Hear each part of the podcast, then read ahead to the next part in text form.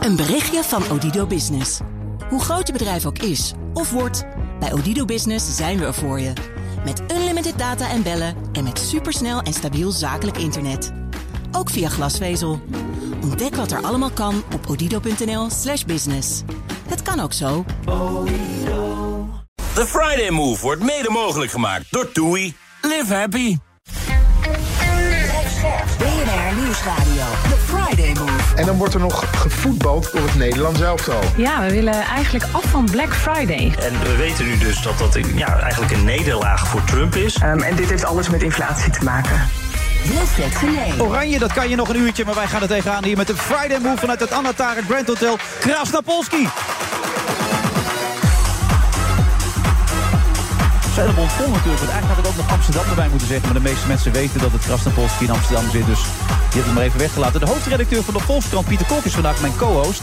Uh, de Volkskrant die deze week uh, Matthijs van Nieuwkerk helemaal kapot gemaakt hebben. Dus daar moeten we het uitgebreid over hebben. Pieter, goed dat je er bent. Verder onder andere ook Marion Koopmans, Kees van der Spek en Don Zeder. En onze eigen DJ Thomas Robson.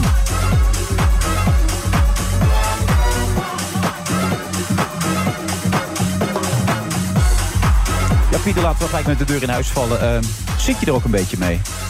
Nou, uh, Matthijs van Nieuwkerk kapot maken was niet het hoofddoel, moet ik heel eerlijk zeggen. Dat, dat werd door sommige columnisten wel gesteld. Dat jullie ja. niet het systeem aanvielen waarop de man speelde. Ja, nou, dat was precies het, het, omgekeerde was de bedoeling. Want we wilden juist de nadruk leggen op het systeem. Dat was ook de reden dat we het zijn gaan onderzoeken. Uh, we werden geconfronteerd met dat er heel veel burn-outs waren geweest bij een bepaald programma. Ja. Toen zijn we gaan praten met mensen. En de vraag vanaf het begin af aan was: had de omroep hier niet in moeten grijpen? Want die verhalen over Matthijs van Nieuwkerk gingen natuurlijk veel langer. Mm -hmm. Was deels al bekend. Ja. Dus wij hebben vanaf het begin van heel erg gestuurd op... had de omroep hier niet in moeten grijpen als hoofdvraag. En dan eerst BNN en VARA, maar daarna ook de NPO. Ja, om die vraag te stellen moet je natuurlijk wel eerst beschrijven... wat er allemaal is misgegaan.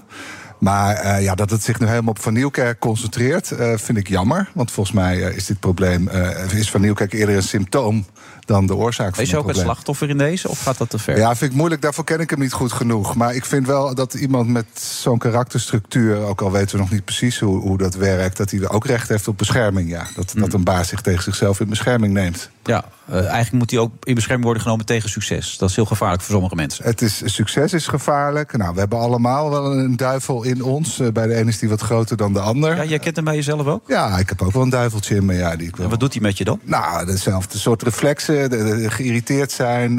Uh, ook? Nou, schreeuwen niet zo snel. Maar, uh, nee, vernederen niet. Maar wel eens uitvallen onnodig. En als Ja. baas richt je daarmee toch altijd meer schade aan dan je, dan je uh, zelf voelt. Uh, dat, dat laat dit verhaal ook zien. Hè. Ik denk dat Maar heeft het altijd in je gezeten, Pieter, of is het gegroeid? Nou, nou het, het wordt als je onder druk staat, als je stress hebt, ga je sneller dit soort reacties vertonen. Dus je hebt gewoon, ja, het zit er gewoon in. Ja, dus je moet maar het is groter geworden door de jaren heen bij jou. Nou, nee, maar als leidinggevende sta je wat vaker onder grote druk. Kijk, ik kan het volgens mij steeds beter beheersen, maar je zou het aan de mensen om me heen moeten vragen. Ja. Gaan we even doen zo. Oké. Ja. Uh, nee, maar ik bedoel maar te zeggen, iedereen heeft een duiveltje in zich. En uh, bij, bij de ene is die groter dan bij de ander. En die moet je, ja, sommigen hebben hulp nodig om die te beheersen. En, en ijdelheid en, en roem, dat zijn natuurlijk hele gevaarlijke uh, ontwikkelingen of eigenschappen. ja, en zeker in de media ligt dat op de loer, zeg jij. Ja, ja, dan verlies je misschien toch een beetje het zicht op hoe je gedrag bij anderen overkomt. Ja, dus Martijs van Nieuwkerk, het is ook al een beetje logisch, zeg je eigenlijk, wat er gebeurde. Het is wel nou ja, maar... het, is, het is een combinatie van, van eigenschappen bij hem. En, en, uh, en maar hoe... hij was ook ooit hoofdredacteur van Parool, begrijp ik toch? Ja. Toen, ik lees dan allemaal mensen die zeggen... Ja, in zijn krantentijd had hij dat helemaal niet. Dus als krantenhoofdredacteur heb je minder last van... Nou, je staat bij zo'n tv-programma onder enorme druk. Veel Is grotere druk dan een half. Ja, want je moet het in een uur doen. Ja, nou, er staan ik heb dat 1,3 gevoel helemaal niet. Ik doe het ook elke avond, maar Ja. ik weet niet eens wat het is. Echt niet. Nou ja, het prijs jezelf gelukkig. Ja. Maar als je heel bang bent om door de man te vallen, bijvoorbeeld. Als waar, je, als je door de man vallen dan? Als het misgaat, gaat het mis. Zeg je, nou, het gaat even niet goed. Ik wil het wel. Ja, nee, maar het is natuurlijk zo. Sommige mensen zijn, hebben meer angsten dan anderen. Ja. Die zijn gewoon bang om betrapt te worden. En ik, ik kan niet in het hoofd van Matthijs van Nieuwkerk kijken... maar het duidelijk is dat hij onder grote spanning stond... en heel bang was om te falen. En op het moment dat er iets misging... ja, dan kon hij dat niet verdragen. Nee. Hij heeft sowieso wat allemaal angsten. Hè? Hij kan niet over een Dat brug. heeft hij, en- al- precies, dat heeft hij heel vaak Fietsen. gezegd al. Ja. Angsten, fobieën, neuroses. Ja, liften, alles, alles is lastig voor Ja, hem. en als je eh, iemand met zo'n eh, karakter misschien onder druk zet... Ja, dan eh, gaat het vaker mis dan bij mensen zoals Maar jij. dan, dan is het bijna een patiënt, als je het zo beschrijft. Ja, ja, ik ben geen psychiater, hè, maar, maar uh, nou ja, het, het, het, is, niet iedereen is zo, laten we het zo zeggen. Maar uh, heeft het je wat gedaan, wat er nu gebeurd is? Want er is een soort storm losgebarsten. Ik vind het altijd onaangenaam als het ongenoeg over een bepaalde kwestie zich heel erg op één persoon uh, concentreert. En ik vind het ook onaangenaam als als we eerst iemand helemaal hebben opgehemeld. en dan, omdat we hem opgehemeld hebben, hem extra hard gaan straffen. Ik bedoel, ja. kijk, hij is verantwoordelijk voor zijn daden. En daar moet hij ook verantwoording voor afleggen. Geen misverstand. Uh, en dat moet nu allemaal gaan gebeuren. Maar dat het ongeveer zich puur op één persoon richt, dat vind ik, vind ik, vind ik moeilijk. En ik had gehoopt dat we dat uh, hadden kunnen vermijden. Dat hij nu gebroken heeft met zijn omroep, of met elkaar eigenlijk, dat, dat, dat was niet nodig geweest, zeg jij? Nou ja, ik denk na alles wat er gebeurd is, was het moeilijk uh, om, het, uh, om, om er zomaar door te gaan. Ik denk dat er eerst verantwoording moet worden afgelegd. Dus dat gaat nu ook gebeuren. Ja. Volgens mij er wordt een onderzoek gedaan. Er is wel even een pauze nodig en dan zien we wel waar het eindigt. Ja, maar hoe vond je de reacties van BNNVARA en van de leiding bij de publieke omroep? Want uh, het succes heeft natuurlijk ervoor gezorgd dat deze mensen die het allemaal wisten... bij zichzelf hebben gedacht, ja, maar we gaan het... Nou ja, wat heel interessant is, iedereen probeert de verantwoordelijkheid bij zichzelf weg te krijgen. En BNN Vara doet dat door het bij Matthijs van Nieuwkerk te leggen. Die moest een verklaring afleggen, die moest schuld bekennen. Uh, die moest toegeven dat hij enorme fouten hadden gemaakt. En, ja. en nou, dan zouden we eventueel weer verder kunnen. Maar het lag bij Matthijs van Nieuwkerk volgens BNN Vara. Ja, maar Frans Klein tijdelijk nu even teruggestapt. Maar die stapt gewoon straks weer vooruit natuurlijk, toch? Nou ja, dat vind ik wel interessant. Wat Frans Klein doet, of de publieke omroep doet. Kijk, die doen net alsof, ja, Frans Klein was ooit ook directeur bij BNN en Vara. En daar moet hij nu even terugtreden. Hè, want daar heeft Ja. hij ook een rol gespeeld. Maar dat is niet waar. Frans Klein is tot op het laatste moment. Is hij beschermheer van Matthijs van Nieuwkerk geweest? Was zijn belangrijkste protégé. Dat is een grote succesnummer. Dus hij is ook in zijn rol bij de NPO heeft hij Matthijs van Nieuwkerk altijd beschermd. Dat heeft hij ook echt in interviews gezegd. Hij zegt: Ik wist dat het een tiran was. Dat zei hij in 2017 al. Ik weet dat het een tiran is, maar ik zal hem beschermen. Want het succes was belangrijker voor Frans Klein. Hij wilde de kijkcijfers hoog houden. Ja, en dat was dan ook zijn succes tegelijkertijd. Het was zijn, het, zijn succes hing heel erg aan het succes van Matthijs van Nieuwkerk. Hè. Vanaf het begin dat hij begon als directeur... zijn eerste grote hit was De Wereld Draait Door. Ja. Dus hij is heel erg verbonden met dit succes. En, en, en nu doet de NPO net alsof de NPO er niet zoveel mee te maken heeft. Dat is niet waar. De, de NPO... Hypocriet, hoor ik je zeggen. Nou ja... Dat zeg ja, ik dan, maar dan ja. probeer ik het jou te laten zeggen. Nou eigenlijk. ja, is wat vind ik doe. wel. Ik denk de NPO moet hier ook verantwoording over afleggen. En ze kunnen zeker niet het onderzoek leiden. Want, want ze hebben ook naar hun rol moet worden gekeken. Ja, maar al die onderzoeken, dat zie je ook bij eh, al die grensoverschrijdende gevallen. Vaak niet onafhankelijk genoeg. Ook in de politiek zag je het onlangs Ja, weer. tot nu toe loopt het nooit goed af. Nee. Eigenlijk gek genoeg bij Ajax is het nog relatief eh, best afgelopen. Ja, vind je? Nou, of het was tussen Ajax en Overmars het goed gegaan. Dat hij, Ja, direct, dat hij direct weer aan de slag kon bij Antwerpen was natuurlijk ongewenst, Ja. denk ik. Eh, maar, maar Ajax zelf heeft het, vind ik, in mijn ogen best wel goed gedaan. Maar waarom dan? Dat snap ik niet helemaal. Want Nou, die hebben, die hebben dit eh, vrij discreet opgelost. In overleg met Overmars is gewoon besloten... ja, eh, je moet gewoon terugtreden. ja, we, we gaan niet alles onthullen, hè, wat we hebben gevonden. De media hoefde daar ook geen rol te spelen. heb je het idee dat de dames in kwestie, daar die ermee te maken hebben gehad, voldoende beschermd zijn hierbij? Nou, dat is dus de vraag. Maar je moet altijd afwegen. eh, je moet aan de ene kant moet je de, de, de dader beschermen. Ja. Of de vermeende dader. En aan de andere kant moet je de slachtoffers beschermen. Dat is gewoon heel moeilijk om daar de balans in te vinden. Want bijna altijd bescherm je de een te veel ten koste van de ander. We hebben zelf ook zo'n affaire gehad. En daar kregen we ook van de rechter een tik op onze vinger. Omdat we de werknemer onvoldoende beschermd hadden. Ja, en bij Ajax krijg je misschien weer wat meer dat, dat de vrouwen onvoldoende beschermd zijn. Het is heel moeilijk om dat midden te bewandelen. Ja. Eh, Jullie kregen een eerste verklaring van Matthijs van Nieuwkerk binnen. Die hebben jullie niet gepubliceerd. Wat stond daarin? Nou, dat eh, ga ik dus ook hier niet zeggen. Nee, echt niet? Nee. Waarom nou niet dan? Nou, ik vind iedereen heeft het recht om zijn verklaring aan te passen. Kijk, hij ligt zwaar onder vuur. En dat hij in eerste instantie een wat eh, eh, wilde reactie vertoont. En dan daarna zegt. Op de man speelde ook, hè? Op een aantal mensen. Ja, nou ja, Ja. dat was ook een reden. Als we het überhaupt zouden publiceren, hadden we die beschuldiging weer moeten onderzoeken en zo. Ja. Maar wij wilden gewoon hem de ruimte geven om zijn verklaring aan te passen. Omdat de belangen voor hem zo groot zijn. En dan, eh, ja, dan gaan we die eerste verklaring niet bekendmaken. Ja, maar die eerste verklaring zegt wel hoe hij erin staat, uiteindelijk. Echt, toch? Ja, wat is echt? Maar ik, ik vind dat Dat is iedereen. echt. Wat hij daar in eerste instantie zegt, natuurlijk. Nou dat is ja, toch misschien is in de tweede instantie wel echt, als hij er even goed over heeft nagedacht. Nee, want dan heeft hij een paar mensen te horen gekregen dat hij het niet goed aangepakt heeft, toch? Die Eh, zeiden tegen hem, wij willen dat je de verklaring aanpast. Ja, maar dan Hoe nog- echt is het dan nog? vind ik het recht, als hij, ook als hij met mensen heeft overlegd... dat hij zegt, oké, dit was misschien niet zo verstandig, eh, laat ik het even overdoen. Oké, want hoeveel tijd zat er tussen die verklaring die jij... Die eerste... uur. Oké, maar die eerste die je kon opstellen, hoeveel tijd had hij daarvoor gehad? Nadat hij het stuk had gelezen? lang om erover na te denken. Dat bedoel ik dus. En, en dat vond ik wel raar. Ik had eigenlijk verwacht dat hij zou zeggen van... nou, ik vind nog steeds dat ik een heel mooi programma heb gemaakt... maar ik zie nu dat ik eh, daarbij eh, veel eh, leed heb aangericht. Dat Ja. betreur ik. vind ik vervelend. Ik ga graag met de slachtoffers in gesprek. Dat had ik eigenlijk verwacht. Ja, en dat deed hij niet. En hij had er tijd genoeg voor, zeg je nu tegen tegen mij. En hij heeft tijd genoeg gehad om er met andere mensen over te praten in die tussentijd. Ja, maar de belangen voor hem zijn ook heel groot en zwaar. Dus ik vind dat hij ook iets meer recht heeft dan, dan anderen. Je klinkt als een politicus ook, Ja, Pieter. sorry. Ja, kan er niks aan doen. Nee, zo klink je wel. Dat krijg je door mijn baan. Ja. Oh ja, je moet inderdaad een beetje politiek bedrijven. Doen we de hele middag niet open, toch? Ook wat uitspraken en een beetje pittigheid en zo, toch? Ja, best hoort bij het programma natuurlijk allemaal ook. Dus gaan we zo meteen weer door.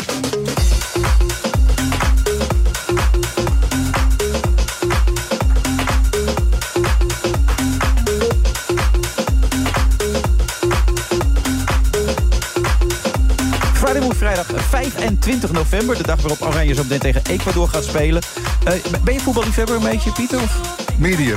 Medium. Ja, ik eh, ga heel vaak naar AZ. En ik heb ook een seizoenkaart gehad van AZ. kijk aan. Dus, eh, ja, nee, dus ik, ik hou wel van het spel. Ook omdat het, eh, de coaches... De coach lijkt erg op een hoofdredacteur. Dus die moet dezelfde processen managen. En je hebt ook te maken met vorm van de dag. En je moet ook de hele tijd nadenken... hoe kun je het team optimaal motiveren... Om het, om het beste uit zichzelf te halen. Dus Ja. ik laat me ook heel erg inspireren door voetbalcoaches. Noem maar een voorbeeld die je echt... Nou, Arne Slot, of John van der Brom en Arne Slot nog ooit bij AZ. Ja. Toen heb ik Calvin Stanks en Myron Bo- Boadou zien doorbreken. Dat was een, waren hele mooie seizoenen. Ik heb AZ echt zien groeien. En, en ook daar de waarde van vertrouwen geleerd eigenlijk. Hè. Want ik weet, Calvin Stanks, dat was lang niet altijd goed... maar de coach ja, bleef hem opstellen.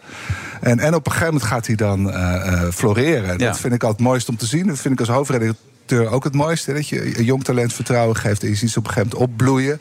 En ik denk dat de mechanismen grotendeels hetzelfde zijn. Ja, denk ik ook. Eh, je hebt een missie eigenlijk ook een beetje, toch? Jij.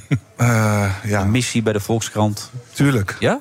Ja. Je begint te lachen, Bernard Krikke. Maar jij weet waar ik naartoe wil natuurlijk, hè? Zeker. Ja, want je hebt een prachtige documentaire gemaakt, Andere Tijden Sport, over eh, de WK van 2010 en met name de wedstrijd Brazilië als centraal punt. En eh, het woord missie komt wel heel vaak voorbij als je zit te kijken. Hè? Ja, dat is tamelijk hilarisch. De spelers die werden twee jaar lang gebrainwashed door Bert van Marwijk. Ja. Met maar één ding. Jongens, we hebben een missie. Wij worden wereldkampioen. Ja, maar daar gingen die jongens als Van der Vaart en Snijder mee aan de haal, hè? Ja, die hoorden dit zo vaak dat ze eh, regelmatig in, eh, in lachen uitbarsten. Ja, en was maar nog- tegelijkertijd zegt Wesley Snijder... het zat wel ergens toch in mijn hoofd. En we wisten, we moeten maar één ding doen. En dat is wereldkampioen worden. Ja, dat was ook nog steeds het verhaal van die twee roesters, toch? Van die twee roeisters, die, eh, dat ha- haalde Van Marwijk heel vaak aan. Olympisch kampioenen, waren geen vrienden. Konden niet goed met elkaar overweg. Maar waren wel de sterkste. Ja.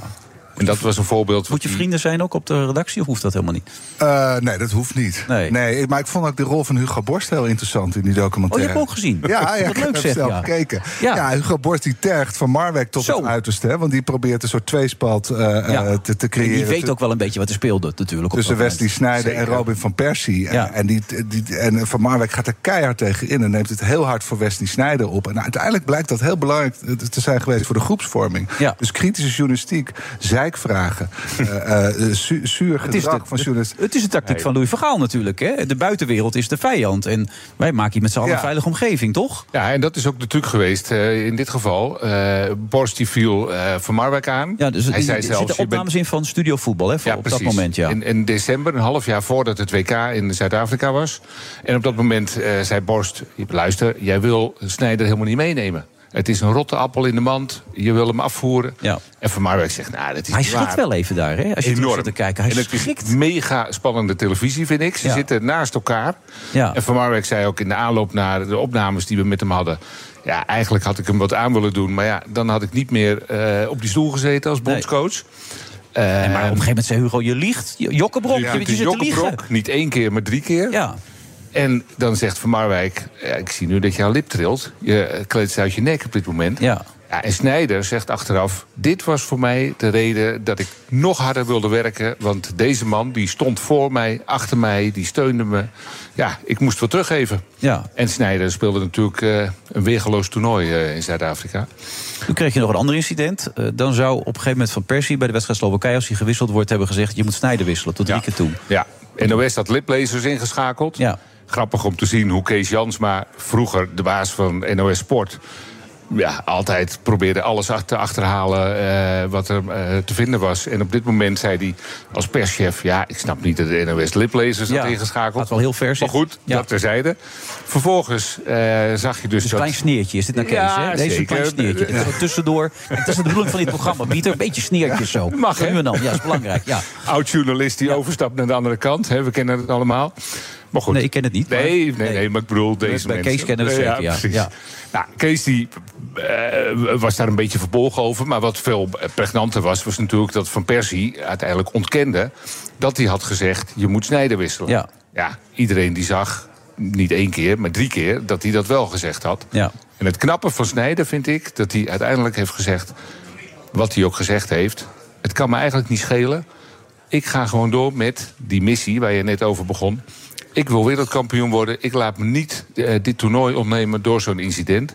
Van Marwijk zat er bovenop. Die heeft ze meteen in het vliegtuig naar voren laten komen, allebei. En ter, eh, ter verantwoording geroepen. Vervolgens gingen ze eten eh, met de hele selectie. En de, eigenlijk zouden de vrouwen ook al aanschuiven. Toen zei Van Marwijk niks ervan. Vrouwen weg. Eerste toespraak. En toen zei de jongens... ik laat me niet door jullie dit toernooi verkloten. Degene die nu nog moeilijk gaat doen... zit morgen op het vliegtuig terug naar huis. Ja, en daarna was het klaar. En we hebben André Ooyer gesproken. Ik wist niet dat hij zo goed kon spreken. Maar dat is echt, vind ik, ja, in de documentaire eigenlijk de leading spreker. En die vertelt hoe vervolgens dat groepsproces na dat incident is opgepakt. En hoe dat uiteindelijk heeft geleid tot, ja, misschien romantiseert hij het een beetje, maar tot de opstanding van Nederland tegen Brazilië. Want Ja. Nederland werd finaal weggespeeld. En uiteindelijk in die rust gebeurde er van alles. En er was een groepsproces al gaande. Nou ja, met dat liplezen-incident als een van de hoogtepunten. Dat, Ja, want Wesley heeft gesproken daar ook in de rust. Ja, die is ook zeker. opgestaan. Ja, Ja. die nam het woord en die zei: Jongens, jullie spelen met poep in de broek. We hebben nog nooit zo slecht gespeeld als nu. Het gaat nu anders in de tweede helft. Er moet iets gebeuren. Ja, en daarna kwam Van Marwijk, niet de grootste spreker over het algemeen. Nee. En Kees Jansma zei: Deze speech was in al zijn eenvoud superieur. Ja. Hij zei: Ik wil niet naar huis. Ik ga niet naar huis. Jullie gaan vanaf nu weer gewoon voetballen. Zoals jullie tot nu toe het hele toernooi gedaan hebben. Zo simpel kan het zijn, toch, eigenlijk? Hè, in het leven, Pieter. Ja, een duidelijke boodschap. Ja. Ja. nee, je hoeft het niet heel ingewikkeld te maken als coach misschien. Je moet net, net op de goede knop drukken op het cruciale Het moment. grappig, ik heb vaak genoeg Bert van Marwijk geïnterviewd... en die zei altijd tegen mij... Wilfred, met één foute actie kun je al je gezag kwijt zijn... als je een verkeerd kledingstuk soms aantrekt of een verkeerde opmerking maakt. Is dat in jouw vak ook zo dan? Kun je je Eh, gezag, zo, gezag zo makkelijk kwijt zijn? Nou, ja, je moet er wel op letten. Ja, dat je denk, eh, soms eh, op de radio iets roept wat je nog de, de maandenlang achtervolgt. Ja, je moet wel voorzichtig zijn. Tot nu toe hoef je er niet bang voor te zijn. Nee. Nee, ja, nee je moet, je moet er wel. wel bewust van zijn. Van, van, de, van de lading van je woorden. Daar moest ik in het begin ook heel erg aan wennen. Want ik, ik hou van gewoon een beetje spontaan en vrij uit praten. Ja. Eh, in de hoop dat de mensen je wel begrijpen. Maar dat, eh, ja, dat, dat kan er ook toe leiden dat je soms totaal verkeerd Maar wordt dan, dan ben je dus eigenlijk de hele dag politiek aan het bedrijven. Mail in je mond, dat soort zaken. Nee, ik heb dus voor gekozen. Ik heb ooit heeft eh, Alexander Klupping gezegd: je kan twee standen aannemen. Of je gaat gewoon lekker spontaan praten. En dan ga je af en toe op je bek. En dan loop je schade op. Of je gaat heel gecontroleerd praten. En dat je van tevoren al denkt: ik ga dit zeggen. En dat ga ik eindeloos herhalen. En dan loop je niet zoveel schade op. En ik heb gezegd: ik kies toch die eerste methode. Die ligt beter bij mij. Dus ik, ik probeer altijd Oké, en schade heb je al opgelopen dan tot nu toe? Nou ja, één keer een radio-interview in, in het begin van corona... wat totaal verkeerd werd geïnterpreteerd... alsof wij als krant achter het RIVM aan eh, bleven lopen... Oh ja. en, en, eh, de over, en eh, vooral de overheid wilden steunen. Nou, Nou, dat is was- misschien leuk om met Marion Koopman zo meteen even te spreken. Ja. ja. Al die domme dingen die je dan toegezegd hebt, nog even te herhalen, toch? Ja, zal ik, zal ik ja, proberen. Ja. hartstikke leuk allemaal. Die wedstrijd die kantelt dan op een gegeven moment. Ja. Wat is daar het belangrijkste dan? Dan zet je die, die speech in die rust... en dat teamgevoel heeft dan het verschil gemaakt. Ja, en, nou, en er is nog één onderdeel eh, waarvan de spelers zeggen dat was ook cruciaal. En dat was namelijk dat voor het eerst de vrouwen mee mochten op het trainingskamp. Oh ja, wat ze vlak daarvoor hadden in eh Zeeveld. Het was nog nooit gebeurd tot die tijd. Van Marwijk zei: Ik wil die vrouwen mee. En later in Zuid-Afrika mochten de vrouwen ook komen. En bijvoorbeeld Snijder, die zei ook: Ja, weet je, met sommige spelers. En hij noemde Van Persie niet, maar duidelijk was wel dat het ook over Van Persie ging. Met sommige spelers konden wij misschien eh, onderling niet zo goed eh, overweg. Maar omdat die vrouwen goed met elkaar overweg waren, konden... maakte dat het weer iets soepeler in de omgang tussen mij en sommige andere spelers. Ja. Dus dat was tamelijk eh, slim van Van Marwijk om te zeggen... joh, af en toe En Nou ja, eh, zeker na een we zitten wedstrijd ondertussen mogen die vrouwen mee. Ik zag Louis voorbij. Die doet niet anders. Ja. Die slaat maar door. Die gaat zelf zeggen dat hij een wipje wil maken. Of dat nou helemaal de Is dat verstandig, Pieter? Om dat te roepen? Hè? aan het Ah, hij, publiek? hij kent nu helemaal geen grenzen meer. Hij is al zijn grenzen kwijt. Helemaal Het lijkt. Johan Derksen is mijn laatste Het is verschrikkelijk. klus. Het, is, het, het zijn allemaal vrienden van de media nu ook, hè, voor hem. Ja, Ja. maar het is waanzinnig theater daardoor. Ja. Maar wel slim, want Ja. hij leidt alles af hè, van die spelers. Alles gaat naar hem toe. Alle ja, aandacht. Ja, nou ja, misschien gaat het werken. We moeten het nog wel zien natuurlijk. Ja, Volgens mij Ecuador, dat moet nog wel lukken. En nog één ding, eh, dat is echt heel belangrijk. Ik zie dat zowel eh Cookie Foreign erin zit als Bert van Marwijk. Ja. Dat lijkt me best lastig geweest, of Ja, niet? Dat was heel, we hebben ze ook op dezelfde dag geïnterviewd. En het vervelende is, eh Cookie Voorn was de hondstrouwe eh, assistent Ja. van Bert van Marwijk. Er is iets gebeurd tussen die twee. Ja, maar wat nou precies dan? totaal gebrouilleerd. Ja, eh, dat is misschien nog een andere tijdens sport over een Ja, tijd. ja, dat is wel interessant. Ik Ja. bedoel, eh, het was, hij, ze reden, hij reed Bert ook altijd overal naartoe. Alles samen. Ja, naar opeens... Dortmund, naar dit, naar dat. En opeens, er is iets gebeurd. Ja, en ik heb ze allebei gesproken en ze willen er niet over praten. Dat ze samen in de uitzending zaten. Cookie is nog steeds lovend over Bert. Echt waar? Dat wel? Ja, Ja? echt ongelooflijk. Hij vindt echt dat in alle eenvoud Bert eh, ja, gewoon de beste coach is geweest... waar hij ooit mee gewerkt heeft. En Bert had gewoon zijn loyale eh, ogen- en oren assistent. En eh, ja, Cookie Vorm was voor hem... Dat echt heel Bert zegt niks over hem. Niks over Cookie dan. Niks lelijks over hem eh, en ook niet buiten de camera. Ja, sommige mannen kunnen heel slecht praten. Denk ik. Want dit moet je toch uit kunnen praten, zou je Ja, zeggen. Als de wederzijdse Als het zo mooi huwelijk is geweest, al die jaren. Nee, ik heb een aantal varianten gehoord, maar ja, om die er nou zo op te gooien, dat, dat, dat is ja. Maar wanneer, wa- wanneer is het gebeurd? Weten we dat wel? Na het Nederlandse elftal, eh, twee jaar later, is hij ook nog een keer mee geweest naar het EK. Dat was een desastreuze EK natuurlijk. Bij het ontslag en is het daarna gebeurd. is- zijn ze eh, eh, allebei ontslagen. En toen is er iets misgegaan. Ja, er ging iets mis met de afhandeling. Ja, Daar ging het een beetje mis Ja. eigenlijk Die, allemaal. die theorie. Eigenlijk weet je het al. Ja, nou, die, theorie, je, je kan hem wel een beetje... Laat ik het zo stellen, Bert dacht niet helemaal mee met Cookie. Daar kwam het een beetje op neer. hè? toch? Je zit eh, denk ik dicht bij de Ja, waarheid. nee, dat verhaal ken ik ook. Ja. Ja. Nou goed, wel sneu. Maar Ja. het is eh, absoluut de moeite waard. Dan gaan we even kijken. Aanstaande zondag. Zeker. Na, Na Spanje-Duitsland. Zeker. Ik ben blij met die eh, aanloop. Ja, en daarna ga je kijken. door met die finale, neem ik aan ook nog, toch? De finale heb ik iets heel speciaals voor. Eh, dat komt binnenkort op NPO Start. Ik heb namelijk eh, de mensen die ik geïnterviewd heb... ge- eh, teruggebracht naar die finale. Ze willen nooit meer die wedstrijd zien. Oké. Mark van Bommel heeft één keer een stukje gekeken. Die begon te huilen. Bert van Marwijk heeft één keer die wedstrijd gekeken. Daarna zei hij never nooit meer. Wat ik heb gedaan is... Ik heb ze gevraagd, doe je ogen dicht. Een beetje à la Van Gaal. Ga imagineren. En we zijn teruggegaan vanuit de catacombe het veld op. En het levert Oké. best hele spannende minuten op. Hij vertelt het goed, hè, dit? Ja, nou, het is enorm trauma. Het is een soort trauma-herbeleving Ja. wat je aan het doen En dat bent heb ik gedaan En een soort het- bijna therapeutisch. Het verrassende was dat Bert van Marwijk... ik heb het hem gevraagd terwijl we aan het interview waren... voor de gewone andere tijden. En toen zei ik, ik heb dit ooit bij Pim Fortuyn gezien. Dat werkte als een tierenlier. Mag ik dat met jou ook doen? Hij zei, nou, het is goed. Ik doe mijn ogen wel dicht. Ze kwamen allemaal terug in die wedstrijd... na- net van die finale tegen Spanje. Zo. En dat werkte echt heel Nou, daar gaan we ook binnenkort naar kijken dan. Ja, en ik stuur je de link. Ja, Bernard Krikke, goed. Dankjewel. En succes. Ja, dank. Een berichtje van Odido Business. Hoe groot je bedrijf ook is of wordt, bij Odido Business zijn we er voor je. Met unlimited data en bellen en met supersnel en stabiel zakelijk internet. Ook via glasvezel. Ontdek wat er allemaal kan op odido.nl/slash business. Het kan ook zo. Hoi, ik ben Rens de Jong en ik presenteer Werkverkenners, de podcast over werk. Of het nou gaat over de impact van technologie op jouw baan, over de kunst van het thuiswerken of over de nieuwste trends in leiderschap, wij hebben het allemaal. Luister iedere dinsdag om 3 uur naar BNR of wanneer maar wil op je favoriete podcastplatform. Werkverkenners wordt mede mogelijk gemaakt door Prescan. Prescan. Ga voor je gezondheid. The Friday Move wordt mede mogelijk gemaakt door TUI. Live happy.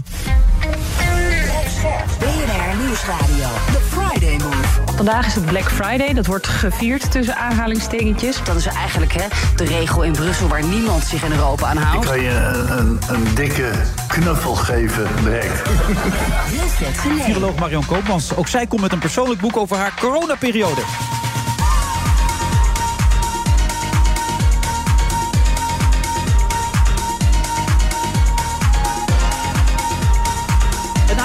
Steeds als co-host eh, Pieter Klok, eh, eh, hoofdredacteur van de Volkskrant. En die zit enorm op zijn woorden te letten. Ik heb het even opgezocht.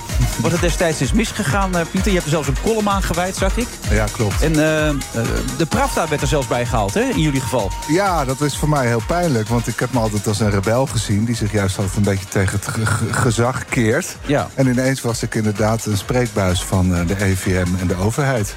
En dat was, je had een radio-interview gegeven... en in de spanning kon je niet altijd de Nou, juiste woorden vinden, zei je ook. Nou, nee, ja, het was begintijd van corona. Dat was een hele onzekere, angstige tijd. En, en toen vond ik oprecht dat het verstandig was... om toch maar even naar het EVM te luisteren... in zo'n tijd van grote onrust. Maar alleen op dat moment vond ik dat. Hè. Later was er veel meer ruimte voor discussie... en die is er ook gekomen en ik denk dat het goed is.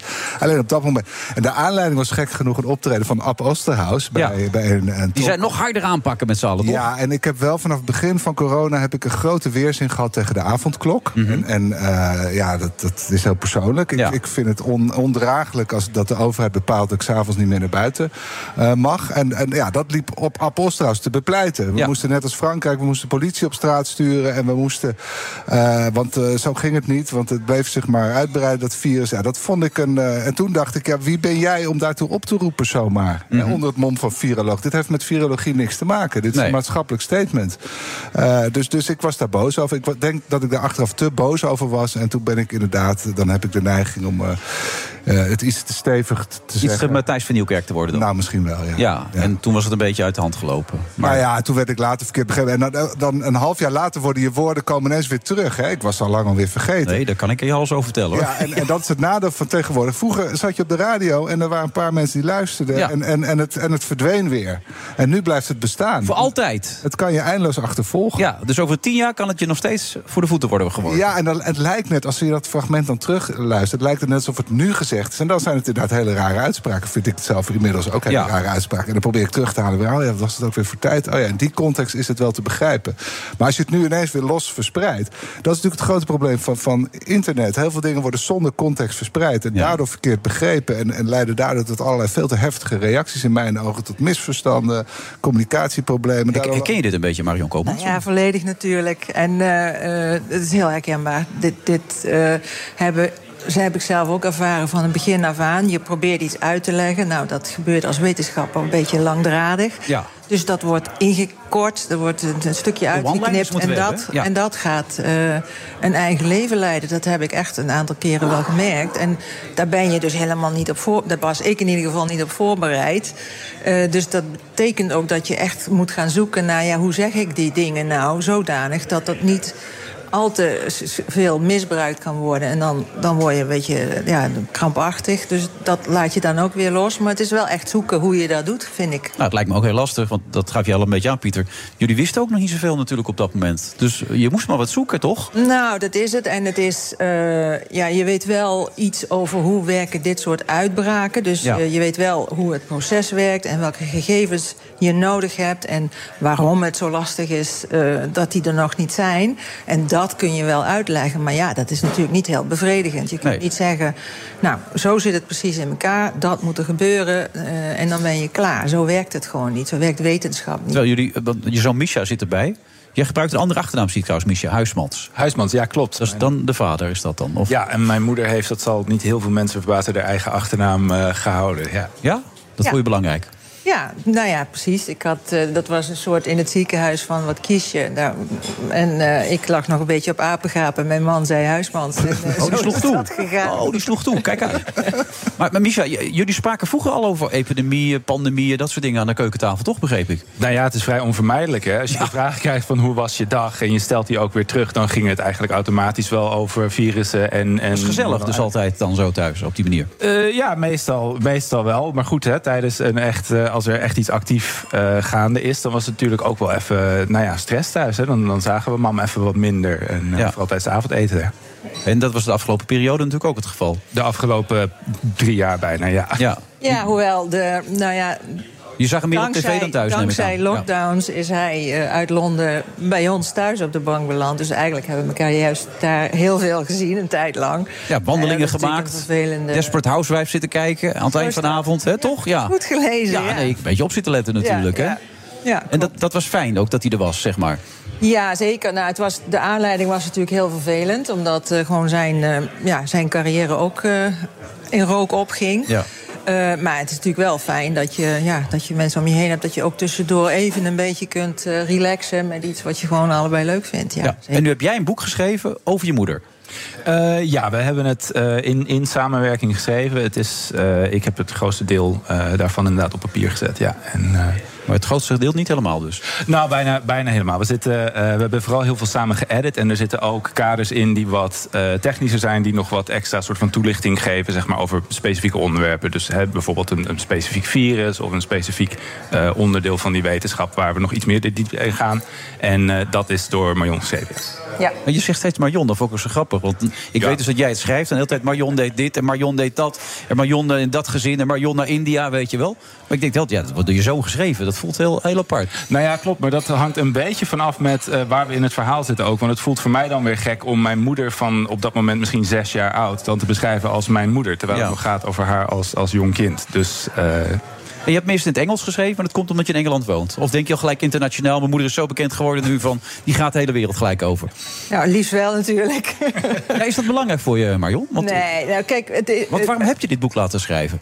Eh, nou, eh, uiteindelijk om dat verhaal over hoe werkt wetenschap over het voetlicht te krijgen. Want daar zitten zoveel vragen omheen. En dat was natuurlijk continu de vraag. En je merkte ook wel in toenemende mate hoe eh, dat er ook wel onbegrip is. Hè? En dat je, Ja, maar dat begrijpt het- hij toch ook wel? Zeker, Ja. zeker, begrijp ik ook. Maar het is eh, eigenlijk een mooie manier om eh, niet met one-liners, maar gewoon wat rustiger te leggen. Hoe werkt dat proces nou eigenlijk ook? En daarom hebben we ook gezegd van. eh, want het was een hele leuke vraag van de uitgever: hoe weet je wat je weet? En dan zeg ik, nou ja, heb je even. Dat, dat is dus eigenlijk kennis die je bij elkaar gesprokkeld hebt... bij heel veel verschillende situaties, heel veel verschillende uitbraken. En dat eh, hebben wij het over gehad. En dat vonden we dan ja, goed om te beschrijven. Van, zo komt het bij elkaar. Dus ik zit daar niet zomaar even eh, iets te verzinnen. Ik, ik heb hier gewoon best een beetje ervaring in. Ja, en, daarom eh, leg ik... Maar je wilt dus ook een vorm van begrip creëren voor mensen die misschien iets kritischer zijn geweest met dit boek? Nou, eh, niet per se voor mij persoonlijk, maar gewoon, maar echt over hoe werkt wetenschap. Want het is, er is een, denk ik een te grote verwachting ontstaan van de wetenschap komt wel even met de oplossing. En zo zit dat gewoon niet in elkaar. Het is een heel belangrijk proces. Eh, wat je ook nodig hebt, maar het is niet eh, alomvattend. Het is niet, eh, wij zijn niet, we hebben niet alle wijsheid in pacht. En dat vind ik, vond ik een belangrijk verhaal om ook te vertellen. Ja. hoe vind je dat ze het aangepakt hebben in Nederland? In zijn algemeenheid? Met Het deze RIVM. situatie? Ja, het RIVM, maar ook al de deskundigen erbij betrokken. nu met terugwerkende kracht. Nou ja, daar kan je wel wat kritiek op hebben. Maar achteraf is het allemaal heel makkelijk. Hè? Dus, dus je kunt heel moeilijk terughalen. Wat wisten we toen precies en wat hebben we op basis daarvan gedaan? Ik, ik vind uiteindelijk dat Nederland is er niet veel slechter uitgekomen dan andere landen die het heel anders hebben gedaan. Uiteindelijk komt iedereen ongeveer hetzelfde eruit. volgens Zou, zou je dingen anders hebben aangepakt nu, Marion, met terugwerkende kracht? Ehm, de achteraf is het makkelijk, hè? maar Ja, ja, dat eh, misschien scherper, sneller eh, op, eigenlijk op meer maatregelen aandringen. Eh, want eh, kijk, ik ben wel wetenschapper, dus ik heb ook wel zoiets van... ik zou eigenlijk wat meer willen weten voordat. Daar heeft de WHO, de, de, de baas van het, het, het emergency-programma, van gezegd... niet wachten tot je het zeker weet, want dan ben je te laat. Better say sorry than be sure. Ehm, en dat achteraf zou je misschien eh, meer hebben gedaan. Maar sneller, ook strenger, nog meer?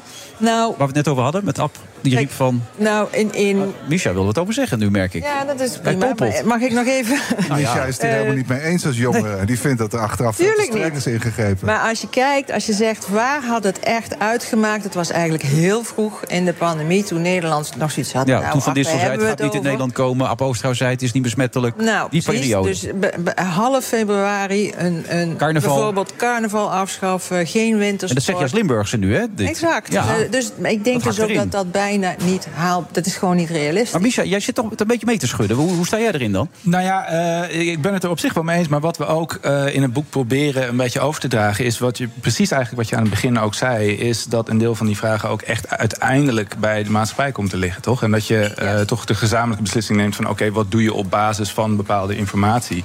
Maar dat is dus dus niet alleen maar een beslissing die door wetenschappers genomen wordt. Of kan worden. Nee, maar jongens, als carnaval was afgelast, dat was helemaal niet gelukt. Want de Nee. bevolking was daar helemaal niet toe bereid geweest. Nee, die zoiets van, waar hebben we het over? Abstract gevaar vooralsnog. Nog niemand is ziek. Waar, geen carnaval. Nee. Hallo, dat is En- wel een hele en- zware sanctie. Dus zelfs al Ja. was dat achteraf verstandig geweest. Het duurt ook even voordat iedereen doordrongen was, is van de ernst. Dus, dus eh, los van wat verstandig is, heb je ook nog te maken met draagvlak. En, en je kunt niet zomaar eh, zeggen, ja, dit is vanuit virologisch perspectief het, het, het verstandigst. Dus hups, platleggen de hele boel. Ja, ik vrees dat je toch, toch om draagvlak te creëren... moeten mensen ook eerst zien hoe erg het is. En hoe erg het kan zijn. Ja, hoe erg was het dan? Nou ja, eh, dat, is maar, dat hangt er vanaf van wie het vraagt. Nou Ik denk eh, ehm, ernstig genoeg om forse ontwrichting van de zorg te geven. Een fors, eh, nou ja, sterfte. eh, en Maar niet hoger dan de jaren voor met de gewone. Oh, absoluut wel. Dat is, ik, Vele malen hoger, ja. maar hoeveel, hoeveel doden zijn er dan gevallen? Nou, de eh, precieze aantallen die weten we nog niet. Maar sowieso rond de 60.000. En de schattingen zijn dat dat aantal... dat je dat zeker met twee of drie mag vermenigvuldigen. Omdat... Allemaal ook aan de corona gerelateerd. Ja. Maar dat zijn ook mensen die ziek waren met onderliggend lijden... die dan corona mede hadden. Zeker, Ja. want dat is, heb je dus met al die infecties. En dan kom je dus in. En dat is precies het lastige van die discussie. Mhm. eh, van ja, hoeveel erger is dit nou? Nou, zeker met in vergelijking met griep echt veel, veel grotere impact. Ook veel waarom zijn er zoveel verschillende cijfers over? Want ik, ik had niet zo lang geleden Ab Oosterhuis daar nog een keer voor in een uitzending. Ja. En die kon het ook niet helemaal plaatsen met al die cijfers. Nou, dat komt om. Kijk, wat je weet, wat eh, eh, zeg maar geteld wordt, is als iemand, een arts, op een eh, overlijdensbericht zegt: dit is corona. Mhm. Wat daarnaast altijd erbij komt, maar dat komt altijd veel later, is. Eh, welke, welk deel van de oversterfte, die, die discussie speelt ook heel erg, is ook door die infectie. En dat komt om als, als je iemand hebt in het ziekenhuis die al, nou ja, niet helemaal fit is vanwege allerlei onderliggend lijden, dan is maar de vraag wat op dat overlijdenscertificaat wordt gezet. Dat is een van de belangrijke redenen waarom die getallen pas later echt eh, precies gemaakt worden. Maar, En- maar en- je zegt wel 60.000 zeker per jaar extra overleden. door corona. 60.000 in deze eh, golven in Ja. Nederland. Tel je dan al die jaren bij elkaar op of is dat per jaar? Dat, nee, dat is bij elkaar. Ja. Ehm, en, eh, maar een, minstens twee, drie keer zoveel schat ik dat we op uitkomen als dat, eh als dat Ja. Michel leeft altijd mee, die wil er steeds tussen. Maar dat lukt het niet helemaal. Wat, wat wil je eraan toevoegen, Michel? Nou ja, ik wil, ik wil daar alleen aan toevoegen dat het eh, natuurlijk, zeg maar, dit zijn de aantallen met twee jaar aan echt historische maatregelen. En aan iedereen thuisblijven en avondklokken en, en van alles en nog wat. Dus dat, dat moeten we natuurlijk ook meenemen. Zeker. Ehm, Hoe heb jij het als jongen ervaren? Want dat zeg je terecht, Pieter. Jij bent natuurlijk een jong mens. Je bent weer teruggegaan naar Londen op een gegeven moment, toch? Na een aantal maanden. Ja, klopt. Na eh, vijf maanden. We dachten met die eerste lockdown van, nou ja, toen ging het nog over twee, drie weken om even te proberen. En dat werd al gauw een paar maanden. En toen eh, ja, ben ik toch in Nederland gebleven. Ehm, en toen in augustus teruggegaan naar Londen. En toen kon ik inderdaad een jaar niet terug eh, in verband met inreisbeperkingen. Dus dat was, ja, het is natuurlijk ontzettend moeilijk. Eh, Maar eh, je hoort van heel veel jongeren dat ze moeilijkheden hadden met zichzelf, met contacten, met sociaal gedrag. Hoe is dat voor jou geweest dan? Nou ja, daar liep ik ook zeker tegenaan. Ik ben muzikant, dus ik kon meteen helemaal niks. Hè. Dan zit je een beetje in je eentje thuis. Van, nou ja, ik was, daarnaast kon ik online een soort trainingen geven. En dat was nou ja, goed 10, 20, 30 uur per week. En verder zit je gewoon op je handen. Dus dat was heel erg moeilijk. Tegelijkertijd had ik een aantal eh, klanten die ik training gaf... die onder de hoogrisicogroepen vielen. waren mensen met astma, mensen met hartproblemen. Ehm, dus echt wel mensen met, nou ja, voor wie het gewoon levensgevaarlijk was. Dus in die zin heeft het voor mij wel altijd gevoeld als... nou ja, dit, dit is ontzettend vervelend, maar ik zie wel waarom we het doen. En daar heb En toen ben je ook begonnen met schrijven of was je toen nog niet bezig? Eh, in, in april zo'n beetje vorig jaar, dus wel wat later. Ja. ja. Eh, Dan moet je erover berichten, Pieter. En dan, dan- als je te kritisch bent, krijg je natuurlijk te weinig draagvlak voor de maatregelen die er genomen worden. Hoe doe je dat als hoofdredacteur? Dan Hoe sta je dan in de wedstrijd?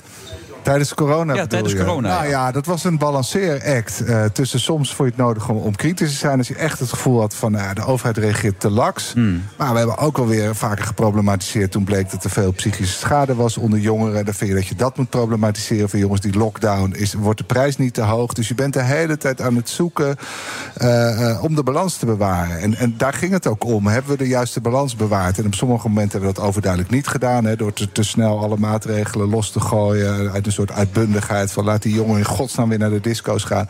Maar het was een balanceeract. En het zal ook in alle, bij alle toekomstige pandemie een balanceeract zijn. zijn. Oh, Want je wil niet China achterna. Hè? Die, Nee. China is geen balanceeract. Daar Nee, is het alles gaat dicht. Boom. Hele steden. boom. En ik denk dat dat niet bij onze samenleving past. Ik denk dat bij een open democratie meer eh, past dat je continu belangen tegen elkaar afweegt. Ja, en, en in die afweging maak je wel eens fouten en die zijn gemaakt. Maar, maar eh, grosso modo, ja, ik denk wel dat alle waarden die wij in Nederland eh, belangrijk vinden, wel, wel min of meer allemaal zijn meegewogen. En dit is het resultaat. Ja. Waar kwam het nou uiteindelijk vandaan, dat virus? nou, ik denk uit vleermuizen. Daar zijn de meningen nog wat over verdeeld. Ja, Dat want weet mensen zijn toch uit een lab, wordt er ook nog steeds beweerd, toch? Ja, dat wordt steeds beweerd. Eh, en en, eh, het lastige is, je kunt eh, niet zeggen dat het niet zo is. Maar ehm, er, is, er, er zijn een aantal aanwijzingen waardoor ik denk dat het wel eh, uit dieren komt. Ja. Eh, ik maar helemaal zeker weten we het niet. Maar Marion, dat zul je zelf ook meemaken. Ik las van de week nog een publicatie waarin stond dat jij ook in je advies had gezegd... zeg maar niet dat het uit een lab komt. Er zijn natuurlijk allemaal mensen die daar een mening over Ja, hebben. dat klopt. En dat, is ook, dat was een eh, discussie met eh, Tony Fauci. Ja. Eh, waarin ik heb gezegd, zet het niet als hypothese in je verhaal... maar zet het in de discussie.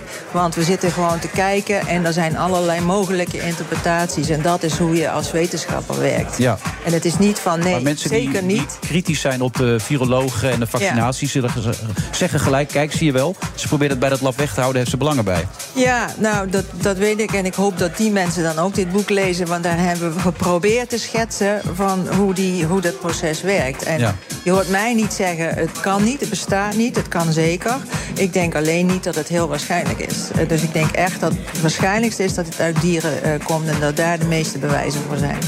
Ja, je bent een muzikus in dit geval, maar je zit wel mee te knikken de hele tijd. Alsof je, Ja, op de beat, hè? Ja, of je de viroloog ook bent. Ja, nee, dat is wel grappig om te zien. Nee, natuurlijk niet. Maar ja, op een gegeven moment na, eh, na anderhalf jaar schrijven... dan zit je wel een beetje in de materie. Dus eh, we hebben het hier uitgebreid ook over gehad tijdens het schrijven. Ja, kan ik me heel goed voorstellen. Als je in de spiegel kijkt, zeg je tegen jezelf... ik heb het goed gedaan? Eh, regelmatig wel, niet altijd. Ehm, ehm, en ik, eh, ik blijf leren, ja. Ja. Zoals het leven eigenlijk. En zoals het leven. Zoals het leven is, inderdaad. Viroloog in een veranderende wereld. Wel een leuke wereld? Eh, hartstikke leuk. Biologie is, is fantastisch. Het is mijn passie en dat blijft het ook. Oké, en hoeveel wordt het zo meteen tegen Ecuador? Ik heb geen idee. Maar Dus ja, jij ook niet waarschijnlijk? Je hebt ook niks met voetbal? Eh, de- eh, een beetje eh, tegen wil en dank, want ik woon boven een voetbalkroeg. Dus ik ga vast horen straks. jongen, jongen, jongen, ja. Pieter, wat denk jij? Want ze staan er nu klaar voor. Het volkslied is bezig. Ik denk dat dit de wedstrijd wordt waarin Nederland echt ontketent. Dus eh, 4-0. Zo, dat zijn pas cijfers, zeg. Dankjewel, Marion en Misha. Ja, nou, leuk. keer. Tot zo, na de reclame. Een berichtje van Odido Business. Hoe groot je bedrijf ook is of wordt, bij Odido Business zijn we er voor je. Met unlimited data en bellen en met supersnel en stabiel zakelijk internet. Ook via glasvezel. Ontdek wat er allemaal kan op odido.nl/slash business. Het kan ook zo. Hoi, ik ben Rens de Jong en ik presenteer Werkverkenners, de podcast over werk. Of het nou gaat over de impact van technologie op jouw baan, over de kunst van het thuiswerken of over de nieuwste trends in leiderschap, wij hebben het allemaal. Luister iedere dinsdag om 3 uur naar BNR of wanneer maar wil op je favoriete podcastplatform. Werkverkenners wordt mede mogelijk gemaakt door Prescan. Prescan. Ga voor je gezondheid. The Friday Move wordt mede mogelijk gemaakt door TUI. Live happy. BNR Nieuwsradio. The Friday Move. En dan wordt er nog gevoetbald door het Nederlands elftal. Ja, we willen eigenlijk af van Black Friday. En we weten nu dus dat dat een, ja, eigenlijk een nederlaag voor Trump is. Ehm, en dit heeft alles met inflatie te maken. Ja, luistert er eigenlijk wel iemand, maar we gaan het gewoon doen. De Friday Move. Ja, we gaan het doen. We gaan door.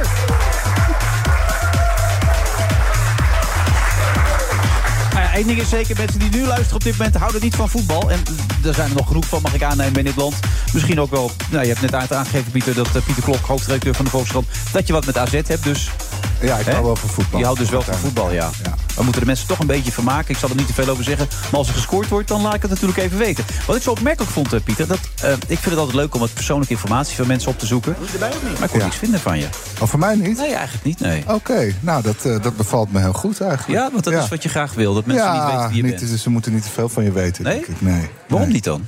Nou, ik doe het niet bewust, ja, ik weet niet. Maar, maar ik heb geen behoefte om heel uitgebreid te Weet ik vroeg aan eindredactie, vertellen. zoek wat leuke, spicy interviews op.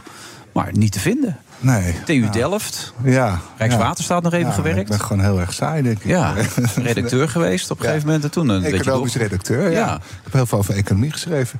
Ja, nou ja, ik weet niet, eh, hoe, hoe laat je sporen na ik, eh, online? Eh, misschien door veel eh, eh, schriftelijke interviews te geven. Ja, die heb ik inderdaad nog niet zoveel gegeven. Maar dat, doe je bewust? Ga je ze uit de weg? Of word je niet veel Nou, gevraagd? kijk, als je leiding geeft aan een krant... wil je zo min mogelijk in de weg staan van je Oh, we journalisten. staan al 1-0 voor. Mag ik dat wel zeggen? Dat mag ik zeggen, toch? Ja. Nee, toch?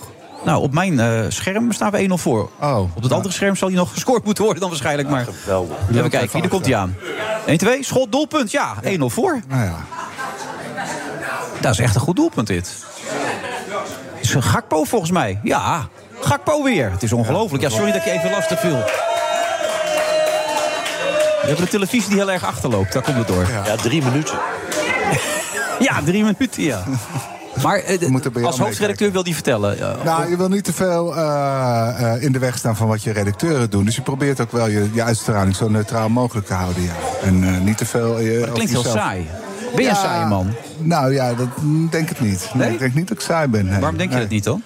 Nou ja, dat moet jij de mensen om me heen vragen. Nee, Ja, dat ik weet je zelf veel heel goed tempo. klap Ik, eh, eigenlijk. Ik, ik, eh, nee. Nee, wat maakt jou niet saai dan, Pieter? Dat, dat weet je van jezelf. Je bent op een leeftijd 50 nu, dus voor je 50ste laat je zien wat je kan nu, wie je bent. Dus laat me zien wie je bent. Nou ja, ik heb een temperament, wat ik al eerder zei. Ja, ik ben, je kan eh, boos worden. Nou ja, dat. Ja, maar je ook, eh, ook, ook heel veel liefde voelen voor dingen. En, en heel veel enthousiasme voelen voor dingen. En ook eh, heel boos Ben je leuk, lieve vader ook? Eh, Jezus, ja, dat moet je toch echt aan mijn kinderen vragen. Ik denk het wel. Ik probeer het wel te zijn. Ja, ja, Ja. ik probeer wel een hele liefdevolle vader te zijn. Je doet ook wel eens gekke dingen. Je gaat als op een podium staan zingen of rood, wit, blauw aan. als nou, dit soort dingen gebeuren. Ik ga graag, eh, hou ik speeches tegenwoordig. Ja, dus dat doe ik graag. Ja, vind je dat leuk, speechen? Ja, dat, vroeger had ik podiumvrees, gek genoeg. Oké. Maar, eh, Hoe heb nee, je je daar overheen kunnen zetten dan? Gewoon doen. Gewoon de hele is dat op een podium gaan staan. Ja, en nu dat- ben je een goede spreker. Nou, weet ik niet, maar ik vind het heel erg leuk, ja. En wat maakt het leuk dan? Nou, om, om gewoon eh, met, met een groep mensen eh, een soort gesprek te voeren. En, en, en, en eh, ja, die, een bepaald gevoel op te wekken. zeker Enthousiasmeren. dat- enthousiasmeren, Verbinden. Dat, Verenigen. Nou ja, dat soort Dat dingen gevoel. vind ik heerlijk. Ja, om te Dus je doen. bent een coach. Ja, misschien aan het worden. Ja. En is er altijd een behoefte geweest om dat te doen? Om te gezien te worden ook in dat opzicht? Eh, volgens mijn vrouw wel. Zelf had ik het heel lang niet door. Want ik, ik, ik, ik hou ook heel erg van anonimiteit. Ik kan het wel vervelend vinden als ik het idee heb dat mensen weten wie ik ben. En dat ik de hoofdredacteur van de Volkskrant ben. Als ik bijvoorbeeld op een ouderavond kom bij mijn Ja. kinderen. Ik vind dat vervelend. Ik ben liever gewoon anoniem uiteindelijk. Maar de- de- de- is dat zo indrukwekkend? Hoofdredacteur van de Volkskrant? Ja, weet ik niet. Misschien voor sommigen. Ja. Een enkeling. Oké. Lezer. Ja, nee, dat zou kunnen, ja. En de kinderen zitten op een school waar veel mensen de Volkskrant lezen, begrijp ik. Eh, ja, ik denk dat we. Nou, ja? veel. Er zitten veel lezers. Ja. ja, dan is het lastig. Ja. kan me voorstellen. Maar zelf had je dit al die tijd niet door, dat je gezien wil worden. Maar nu heb je het inmiddels zelf ook door. Nou, dat ik wel ambitieus ben, vrees ik, ja. Ja? Toch. En waar gaat die ambitie naartoe? Wat wil je dan nog? Nou, ik wil vooral eh, zorgen dat de wereld een beetje leuk blijft. Eh, door, door een goede krant te maken en, en op alle mogelijke manieren daar een bijdrage aan te leveren. Dat we goede debatten voeren in Nederland. En die uiteindelijk leiden tot verstandig beleid in Den Haag. Daar, dat, daar ben ik heel ambitieus in. Want ik maak me grote zorgen over wat, hoe Nederland een beetje aan het Ja, afglijden je, is op veel er met terreinen. drie hoofdredacteuren, dat interview hebben we ook zitten lezen. Ja. Dan maak je echt zorgen, hè, als ik zo. Nou ja, over die polarisatie en het chagrijn. En de hele tijd vooral zoeken waar we het niet eens zijn... in plaats van waar we het wel eens zijn. Eh, nou, je ziet de politiek is ook een beetje verlamd geraakt... Hè, doordat ze, als ze dood zijn voor, voor hoe de publieke opinie reageert. Je ziet gewoon op heel veel terreinen een soort, soort, soort verlamming plaatsvinden... en daar maak ik me zorgen over.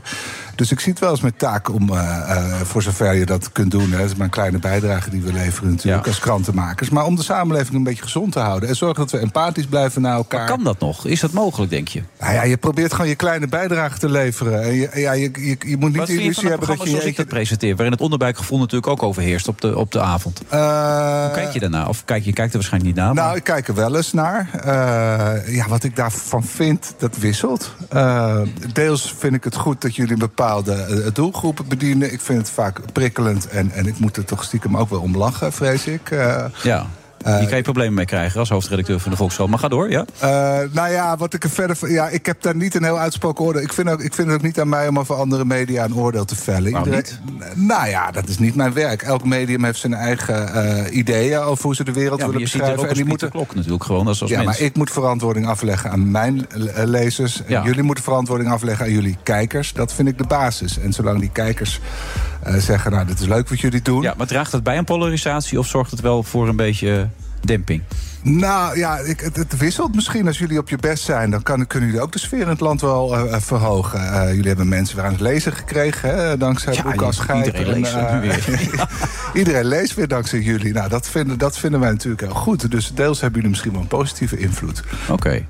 Maar je kijkt er wel naar, dat vind ik al heel wat. Had ik niet verwacht. Ja, niet altijd, hoor. Nee, maar je hebt net Ja, al soms. gezegd dat je als een keer Ja, maar dit, moet ik gewoon, dit is gewoon een soort kennis van de Nederlandse cultuur. Dat is je belangrijk wel- natuurlijk. Je moet weten wat er Je leeft. moet wel weten wat, wat daar gebeurt. Ja. Ja, nou ja, dan ben je Dus goed kijk, bezig. puur professioneel, hè? Ja. En natuurlijk internationaal ook. ook, ook eh, hij zit aan Amerika, toch? Gaan we het even over hebben, Bernard. vandaag. Jazeker, ja, Of wil je iets Oh. anders? Dat mag Nee, nee, nee, nee, nee, nee, nee, nee. Bernard Hammelburg. De mooiste stem van Nederland. Nou. Ja, Ja. ja zeker weten.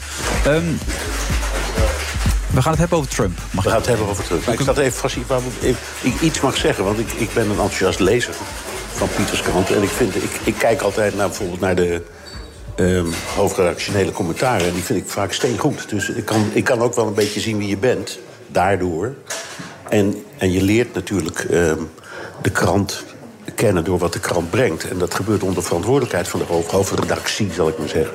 En dat, ik, ik vind dat je dat wel goed kunt zien. Eigenlijk, eigenlijk sinds jouw voorganger een soort koerswijziging heeft ingevoerd... is, de- is, dit, is dat toch wel heel duidelijk te zien. Ik lees hem met Wat maakt het plezier. steen goed dan? Eh, Kun je dat verklaren? Ja. Kun je het omschrijven wat het zo goed maakt?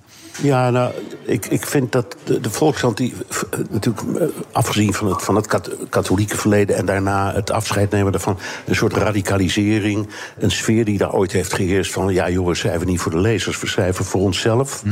Ehm, en ik denk dat onder Philip Remarque is daar een soort breuk gekomen. Die, die heeft ook gezegd, ik geloof dat hij toen hij aantrad op tafel is gaan staan met een soort speech van. eh, ze noemen ons de azijnbode, dat is per nu afgelopen. We gaan nu weer gewoon journalistiek doen. Ja. En ik vind dat ze dat ook doen. Ik vind het echt een hele goede jo- journalistiek. Vind ik de steen Zo, hè, Pieter, die steek je even in je ja, zak. maar ik vind het echt, omdat we praten... Dank je, Bernard. Er zijn, er zijn maar twee kwaliteitskranten in Nederland. En ik vind de Volkskrant de winnaar daarvan. Mhm. Oké, Toch? dus beter dan de Telegraaf, wil je? Ja, dat beter dan terug. Ja. Ja.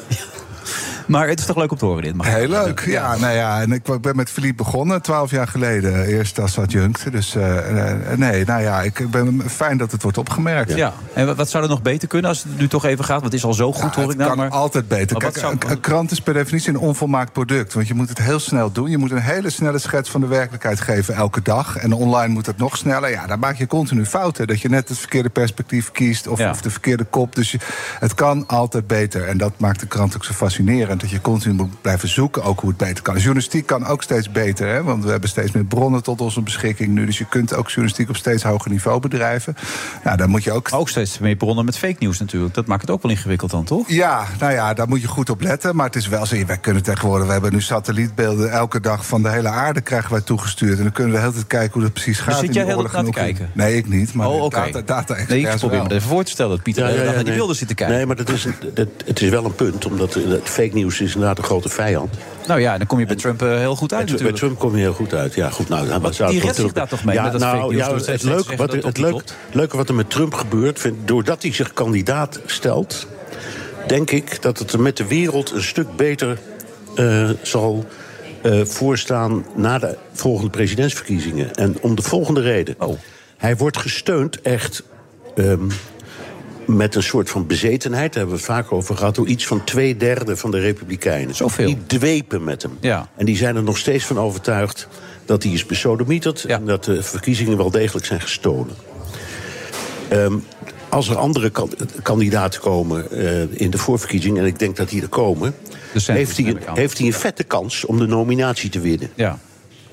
Als hij die nominatie wint en hij gaat op tegen welke democrat dan ook, verliest hij.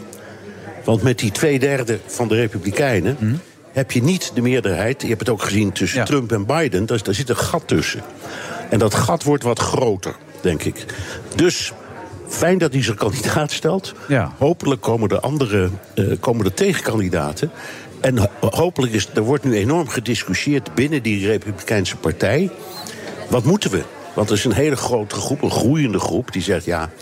ehm, het was leuk en hij heeft ons erg geïnspireerd. Dat is ook echt zo. Maar het is toch niet handig om met hem verkiezingen in te gaan. Dat bijvoorbeeld eh, Mike Pence, zijn, zijn, zijn, vicepresident. is hij daarna nooit meer positief over geweest. Jawel, jawel, die zegt dat. Die heeft een boek geschreven. Dus die is, is hier voortdurend op al die talkshows. En je leest hem met de krant. En die zegt ook: Ja, ik ga hem niet afbreken. Doe ik niet. Maar het zou misschien handiger zijn om een andere kandidaat aan te wijzen. Ja. Waaronder. Nee, maar Trump is nooit meer zo positief over Pence geweest, toch? Daarna? Nee, tuurlijk niet. Nee, dat zou ik zeggen, dat bedoelde ik. Nee, nee, heb je helemaal gelijk, tuurlijk niet. Maar goed, hij heeft die Pence op een verschrikkelijke manier natuurlijk... de- Dat is Ja. echt schandalig behandeld bij die Maar jij zegt dus eigenlijk, als hij het wordt, dan zijn de Democraten heel blij mee. Dat nou, daar zijn de Democraten blij mee, want die kunnen dan winnen. Maar ook als ze verliezen, zijn we, wij zijn blij. De wereld is, het Westen is blij. Omdat in die periode van Trump ons grootste probleem was... als Amerika ons maar niet in de steek laat. Ja.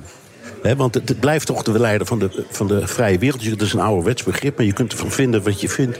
Ze hebben het meeste geld en de meeste aandacht en de meeste moeite doen ze... om een fatsoenlijke krijgsmacht erovereind te houden... en, en eh, die, na, die NAVO bij elkaar te houden. En onder Trump begonnen we, die begon te twijfelen aan dat bekende artikel 5. Hè. Dus ja, hij wist niet, als, als er één Russische laars in Estland zou worden gezet... of die dan wel die, die, eh, dat artikel zou willen inroepen. Hè. Want, nou goed. Ja. Dus daar ontstond een soort van angst.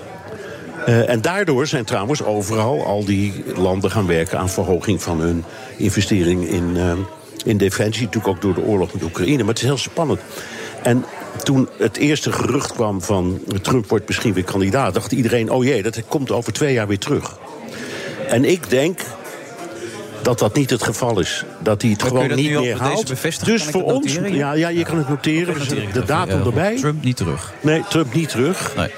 Maar misschien wel als, eh, als, als genomineerde kandidaat. Ja. Tenzij ze hem dumpen, dan komt er een ander. Die ander, als dat bijvoorbeeld de Santos is of Nikki Haley of een van die mensen, die heeft een redelijke kans om te winnen. Maar voor ons maakt dat dan niet meer zoveel uit. Dan kun je zeggen, nou ja, ik heb liever een democraat dan een republikein. Of andersom, dat hangt er vanaf hoe je, wat je het meest aanspreekt. Maar voor, de, voor het Westen, voor de NAVO, voor de, de gemoedsrust... En, en zeker in deze rottijd met die oorlog... is het belangrijk om te weten dat er, eh, wie er dan ook president wordt... dat in elk geval voor ons goed nieuws wordt. Maakt niet uit wie. Nou. Dat is een beetje het verhaal. Dat is een gedachte dit, toch? Of, eh, Ja, nou ja, dat is, het is toch wel heel interessant. Het kan ook nog voorkomen dat hij zich als onafhankelijk kandidaat misschien naar Ja, maar er is, is nog nooit één die heeft gewonnen. Nee. En weet je wat er gebeurt? Dat gaat dan ten koste van de republikein die meedoet. ja. Heb je gezien bij Clinton tegen Bush, toen deed hij Ross Perot mee, weet je nog wel? Oh ja. En die heeft ontzettend veel stemmen binnengehaald. Dat ging ten koste van Bush, Bush 1. En daardoor heeft Clinton gewonnen. Ja. Dus je moet ontzettend uitkijken om, om eh, het onafhankelijk klinkt heel stoer... maar het past niet in het systeem en, en je cannibaliseert altijd een van de twee partijen. Maar ondertussen hebben we te maken met Biden, die nu 80 is. Ja. En, ja, die die zou dus twee- leeftijd hoor. Maar ik, ik vind jou eh, super. Ik zie jou zo president zijn. Maar bij Biden begin ik toch wat te Nou ja, twijfelen het- nu. het- Trump is 76. Ja. En Maar die is maakt toch wel een scherpe indruk. Ja, ja die is eh, echt kerngezond. Ja, dat spat eraf, de energie spat eraf. Eh, Nancy Pelosi, die nu met pensioen gaat, 72. eh, of 82. Zou ik zeggen, die is 82 volgens mij, ja. Ook zo'n explosie van, van energie altijd. En Daarvan zeggen ze, als ze met zo'n delegatie of met, met haar collega's door dat eh kapitool loopt, Hmm. dan holt ze altijd vooruit op hoge hakken. Op twee, ik bedoel, het, het schetst iemand, iemand zoals die is. is ook de laatste die de vrijdagmiddagborrel verlaat altijd. Ja, ja. licht uit Ja, en zo. ja, ja. Nancy, ja, zo kennen we er. Ja. maar goed, maar nou, en, en Biden is inderdaad, je kunt zien dat hij oud, hij was al oud en je kunt zien dat hij ouder wordt. dat kun je heel goed zien, Bernard. kun je echt heel Ja. goed zien, ja. En je kunt het horen. En ja, hij zou nu... Het maar hebben, hebben die democraten wel iets achter de hand? Als hij toch onverhoopt... Nee, vind ik, ik vind van niet. Er zijn, er zijn wel namen, maar het zijn allemaal oude namen... die terugkeren uit vorige races. En er wordt nu gesproken over, over Whitmer, dat is een, een, een, een gouverneur. Er wordt gesproken over ehm Buttigieg, die heeft vorige keer ook meegedaan. Die is nu minister van Verkeer. Er zijn er wel andere, dat zijn wel goede kandidaten... maar ik weet niet of ze het charisma hebben om zoiets moeilijks te doen als zo'n campagne voeren en, en die menigte over de streep te trekken. Weet ik eenvoudig niet. Dus ze hebben nog te weinig. Heb, hebben En- jullie iemand die zo goed is als Bernard op Amerika? Of, eh? Ja, Eh, ja, wel. meerdere. Ja, Ja, ja, ja. oud-correspondenten. Ze hebben, ze hebben hele goede, echt waar, heel veel. Je bent super kritisch vandaag, vind ik, eh, richting de Volkskrant. Nee, maar ik lees een beetje het, kunnen nee, het is omgekeerd. Ik lees Ja. het zo graag. Oh, dit is een van de redenen. Omdat het zo goed is? Ik, nou, ik Ook vind Amerika? over Amerika. Ja, altijd. En, en goede correspondenten. En, en nu ook weer net een nieuwe. En het gaat goed wat dat betreft. Ehm, maar goed. eh, Dus als er Biden het onverhoopt niet mocht redden... Nee, dus, maar zeg hij zou dit weekend, hè, gisteren was het Thanksgiving. En iedereen verwachtte, hij zelf ook, dat hij, dan komen de families bij elkaar. Dat hij dit weekend met zijn familie zou overleggen of hij het wel of niet doet. Oké. Over twee jaar. Eh, en dan zou hij dus kijk, eh, 82 zijn. Mhm. Tot zijn 86ste op die post zitten. Dat is toch niet normaal? Nee. Nou en ja, daar, en, kan en, gewoon. en daarvoor nog een jaar lang een Leider krankzinnige grootste. campagne voeren. Dat is Ja. ook wat. En, en ja, er was nu die, die eh, bijeenkomst in Bali, COP27, weet je wel, die, Mhm. milieu, die milieutop.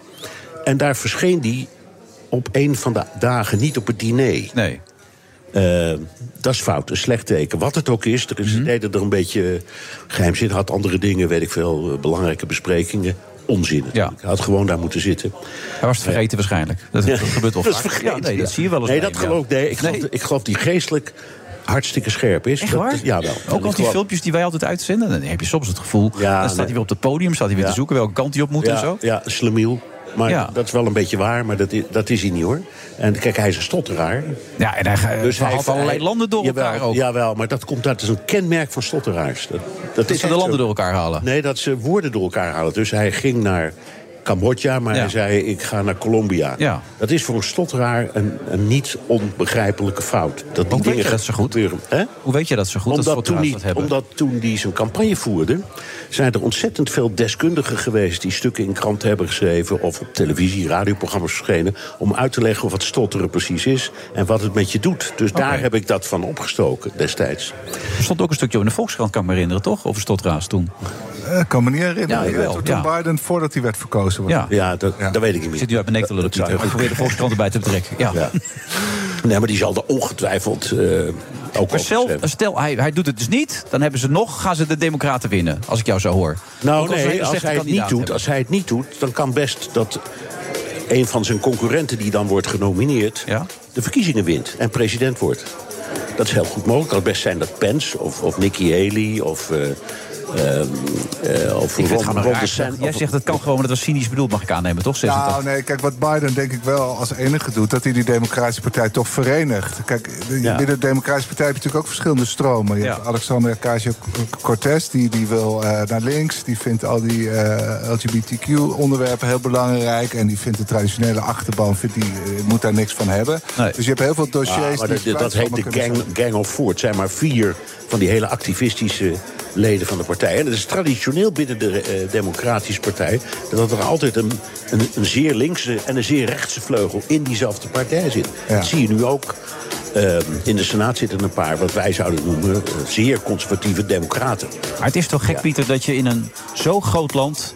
niet een, een beetje fitte, vitale, eh, charismatische leider kan hebben. Nou ja, Nou, dat is wonderlijk inderdaad. Dat, dat 342 miljoen mensen. Dat bedoel ik, er zal er toch nog wel eentje tussen zitten die het ook kan. Ja, maar blijkbaar komen die niet met bovendrijven. Ja, dat is het grote Nou, raadsel. ze willen ook niet, want het is een, het is een rotbaan. Ja. In Amerikaanse ogen verdient het waardeloos. Vier, vier ton, toch? Jawel, maar goed, je, je kan, mag niets aftrekken. Nee. Je zit de rest van je leven vast aan bewaking. Je mag nooit van je leven meer auto rijden. Zelf. Ik bedoel, Maar die Obama vraagt nu vier ton per lezing, las ik. Dus maar goed, dat is waar. Je wordt wel, daarna kun je heel rijk worden. Dat Ja. is een feit. Maar daar heeft, daar heeft, heeft hij niet zoveel meer aan, denk ik, op zijn leeftijd. Nee, Biden, niet Biden, op meer. Biden heeft bovendien zijn zakken goed gevuld in de loop van de jaren. Dus dat, die heeft het ook niet nodig. Dus om geld gaat het niet. Ehm, het gaat om verantwoordelijkheid soms, als je daar nog in gelooft, in deze cynische tijd. Of het gaat om macht, waar je ook in kunt geloven. Geloof ik wat meer in. En in die zin denk ik dat hij wel wil.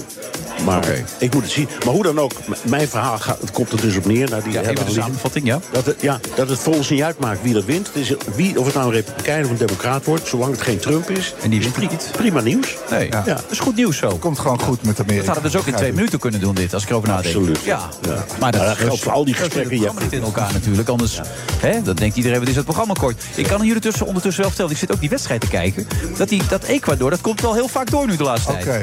Dus het wachten is eigenlijk op een doelpunt van Ecuador nu. Ja, eh, op ons scherm is Nederland Ja, dat is nog twee minuten goed. later is dat. Dat scherm waar jij naar zit te kijken. Ik zit op een scherm te kijken dat Ecuador steeds een aanval is.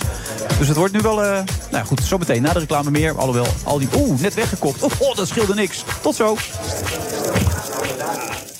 Een berichtje van Odido Business. Hoe groot je bedrijf ook is of wordt, bij Odido Business zijn we er voor je. Met unlimited data en bellen en met supersnel en stabiel zakelijk internet. Ook via glasvezel. Ontdek wat er allemaal kan op odido.nl/slash business. Het kan ook zo. Hoi, ik ben Rens de Jong en ik presenteer Werkverkenners, de podcast over werk. Of het nou gaat over de impact van technologie op jouw baan, over de kunst van het thuiswerken of over de nieuwste trends in leiderschap, wij hebben het allemaal. Luister iedere dinsdag om 3 uur naar BNR of wanneer maar wil op je favoriete podcastplatform. Werkverkenners wordt mede mogelijk gemaakt door Prescan. Prescan. Ga voor je gezondheid. The Friday Move wordt mede mogelijk gemaakt door TUI. Live happy. BNR Nieuwsradio. The Friday Move. Vandaag is het Black Friday. Dat wordt gevierd tussen aanhalingstekentjes. Dat is eigenlijk hè, de regel in Brussel waar niemand zich in Europa aan Ik houdt. kan je een, een, een dikke knuffel geven direct. Wilfred Genee. Nederland zwaar onder druk, maar nog steeds 1-0 voor. Ja, ha, lekker hoor. Maar ja, dat zeg ik tegen mensen die waarschijnlijk helemaal niet op voetbal zitten te wachten. Want die zitten naar dit programma te luisteren. Dus eigenlijk heel onzinnig wat ik aan het doen ben. Pieter Klok is er ook nog steeds. En we krijgen nu een heel lastig gesprek. Want Don Seder van de ChristenUnie is ook aan tafel geschoven. En die mag natuurlijk niks met dat voetbal doen. Hè. Die mag niet kijken. En daar mag ik niks tegen zeggen natuurlijk. En mag ik vertellen dat we 1-0 voor staan? Of vind je dat vervelend? Ik heb het al gehoord, dus eh, Ja. het is wat. Maar achter je zit een scherm, daar mag je dus niet naar kijken? Nou, ik probeer minder te kijken naar... Ik probeer de wedstrijd niet te volgen, maar als ik eerlijk ben, is het ook Oké. Dus als er een kansje voorbij komt, mag ik het zeggen? ja, zeker. Oké, goed dat je er bent. Eh, dat geldt dus geldt voor eh onze eigen Sophie van Leeuwen. Ja, er gaat iets mis met het geluid volgens mij. Want je kan nu ook gaan karaoke als je wilt... want je bent in de hele zaal te beluisteren op dit moment. Nou, ik vind eigenlijk dat Don Zeder nu gewoon even live deze voetbalwedstrijd moet gaan verslaan op BNR. Kijk, het is nog steeds 1-0. Wie is aan de bal? Ik eh, kan het niet zien. Dus. Maar wat vind je daarvan eigenlijk, van die keuze... onder andere ook van eh Gert-Jan Segers, om niet te gaan kijken? Wat vind je daarvan? Nee, ik vind het Hij heeft vorig jaar al, al gezegd, wat ons betreft moeten we hier iets mee doen. Eh, hij heeft toen ook volgehouden en aangegeven, ik kijk niet, ik, ik, ik boycott. Nou, hij is een man van principes. Ja. Nou, Maar hier zijn ze in Qatar ik. wel van slag van, denk je? Of niet? Nou, dat, dat Chris- dat Gert-Jan Segers niet kijkt. Nou, ik heb gisteren volgens mij gelezen ergens dat de emir van Qatar en de baas van FIFA niet zo blij zijn met, met alle PR eromheen. Dus Nee. volgens, mij is de boodschap namelijk dat we een feestje vieren ter- ter- ter- terwijl er eigenlijk geen feest te vieren valt. Die, die komt volgens mij wel, wel, wel aan. Maar vind je het niet een beetje slap van Holland? Die zouden eerst dus een, eh, een band omdoen. Dat hebben ze uiteindelijk niet gedaan vanwege een gele kaart. En nu heeft eh, Louis Vergaal ook gezegd, we doen nu niks meer. Geen statements meer. Wat vind je daarvan? Ja, kijk, ik vind het jammer. Ik denk dat wij gezien hebben... Ja, er zijn zoveel mensen overleden. Eh, we, hebben, we hebben als Kamer ook aangegeven... Hè, wij willen bijvoorbeeld dat de Nederlandse overheid er niet naartoe gaat... dat we geen delegatie sturen. Ja, en het lijkt na één, één wedstrijd en een gesprek met migranten... eh, lijkt het gewoon klaar te zijn. Ja. Ja, terwijl na dit WK eh, gaat leven gewoon door. En, en, en heel veel verleed, doe, eh, dat, gaat, dat gaat ook gewoon door. Dus ik, je voelt aan het WK, in ieder geval ik, proef je toch een ongemak. En ja, ik ben in ieder geval blij dat het ook doordringt tot, tot de omhoogste ringen. maar Don, vind je het ook niet een beetje hypocriet? Nederland gaat daar ontzettend veel gas kopen in Qatar. Dus Dat gaat allemaal gebeuren in de komende jaren. Dus eh, we zitten met hangende pootjes. eh, hè, gaan we bij ze op bezoek. Ja, Mogen we alsjeblieft jullie gas kopen? Want dat hebben wij zo hard nodig eh, in Nederland. Want ja, Groningen is dicht of gaat dicht. Dat is toch een beetje hypocriet dan? Nou, volgens mij kunnen twee dingen be- bestaan. Volgens mij kan je zaken met elkaar doen. Hè. We hebben ook niet gezegd, doe geen zaken met Qatar. Dat, dat mag gewoon. Alleen, wat er nu gebeurt, is dat we een feestje gaan vieren. En dat de overheid meedoet eh, met een feestje vieren. Daarvan hebben wij gezegd, prima om met Qatar te praten... prima om zaken te doen met Qatar... maar ga hier alsjeblieft geen feest van maken. Daar hebben we ook een motie over, eh, over ingediend, die is ook aangenomen. Ja, en de overheid zegt toch, ja, dat, en dat vind ik gek. Die zegt, als wij niet gaan en meedoen met het feestje...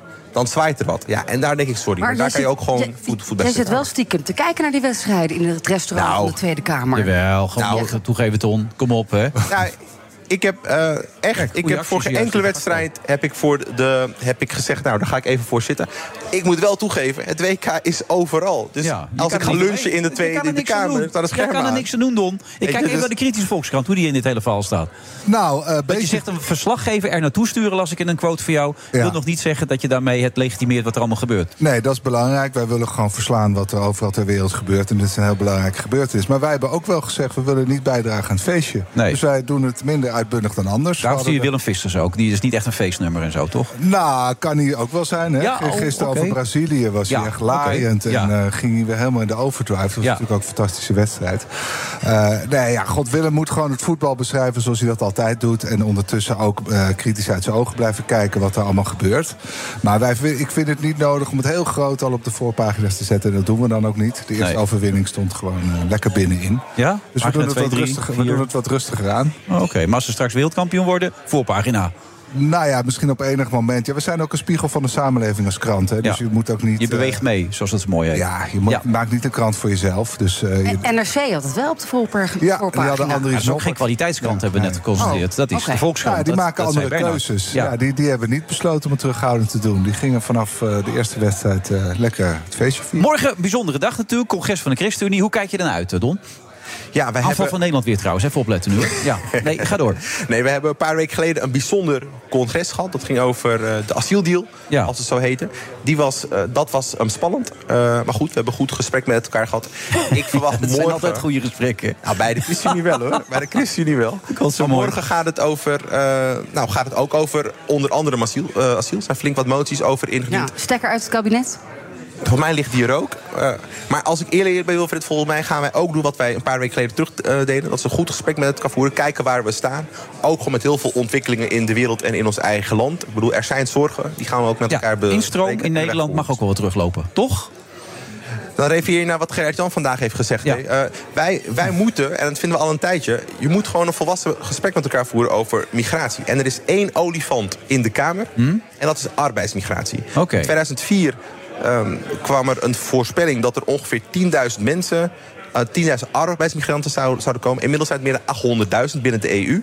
Eh, sorry, vanuit de EU in Nederland. Eh, en dat is de grootste groep. Maar we hebben het in de Tweede Kamer alleen maar, veel te vaak, alleen over asiel. Gert-Jan, en daar ben ik het mee eens, zegt... Oh, dat scheelt alweer als je op dezelfde lijn zit. Ja, Nou, door. Maar dat gesprek moet je gewoon met elkaar voeren. Maar dan, vind je, dan is, het eer, is het eerlijk gesprek ook kijken naar arbeidsmigratie. En wij zeggen al een tijdje, nou, dat, dat doet Gert-Jan weer... en dat gaan we volgende week ook tijdens de sociale zakenbegroting doen. Kijk of je binnen de EU niet veel scherper afspraken, vergunningen kan kan maken. Want eh, wij hebben er geen grip op, geen controle op. En de mensen die we naar hier halen door uitzendbureaus... Maar dat gaat, de, op dat gaat zeven de EU helemaal niet toestaan. Vorig- wij zijn toch de enige in Nederland die Bulgarije en Roemenië ook nog een beetje tegenhouden, toch? Ja, maar dat gesprek, en dat is dus de oproep van de ChristenUnie... dat gesprek moet Rutte, als hij zegt... wij willen iets doen aan migratie...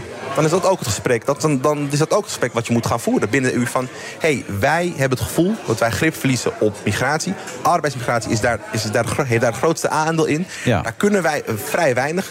De mensen die komen, één op de zeven uit zijn branches... die houdt zich niet aan de ehm, regels. Mensen worden uitgebuit, die worden gehuisvest in kwetsbare wijken. Het gaat gewoon niet goed. Maar de ChristenUnie wil niet uit de Europese Unie stappen. Want jullie gaan gewoon re- recht in tegen de, hè, het vrije verkeer van, de, van personen, van goederen. Wat wij hebben, wat wij, Van personen. wat wij al een, Ja, tijd, personen, ja. wat wij al een tijdje zeggen is, er zijn een aantal pijlers binnen de EU. Maar als land, en dat gesprek moet je voeren binnen de EU, willen wij, eh, willen wij ook wat te zeggen hebben en meer grip over wie je en hoe je mensen. En dat zou door middel van een vergunning komen. Wij Maar- zeggen niet je, moet mensen niet, je moet mensen niet toelaten. Dat zeggen wij niet. Alleen door middel van vergunningen heb je daar grip op.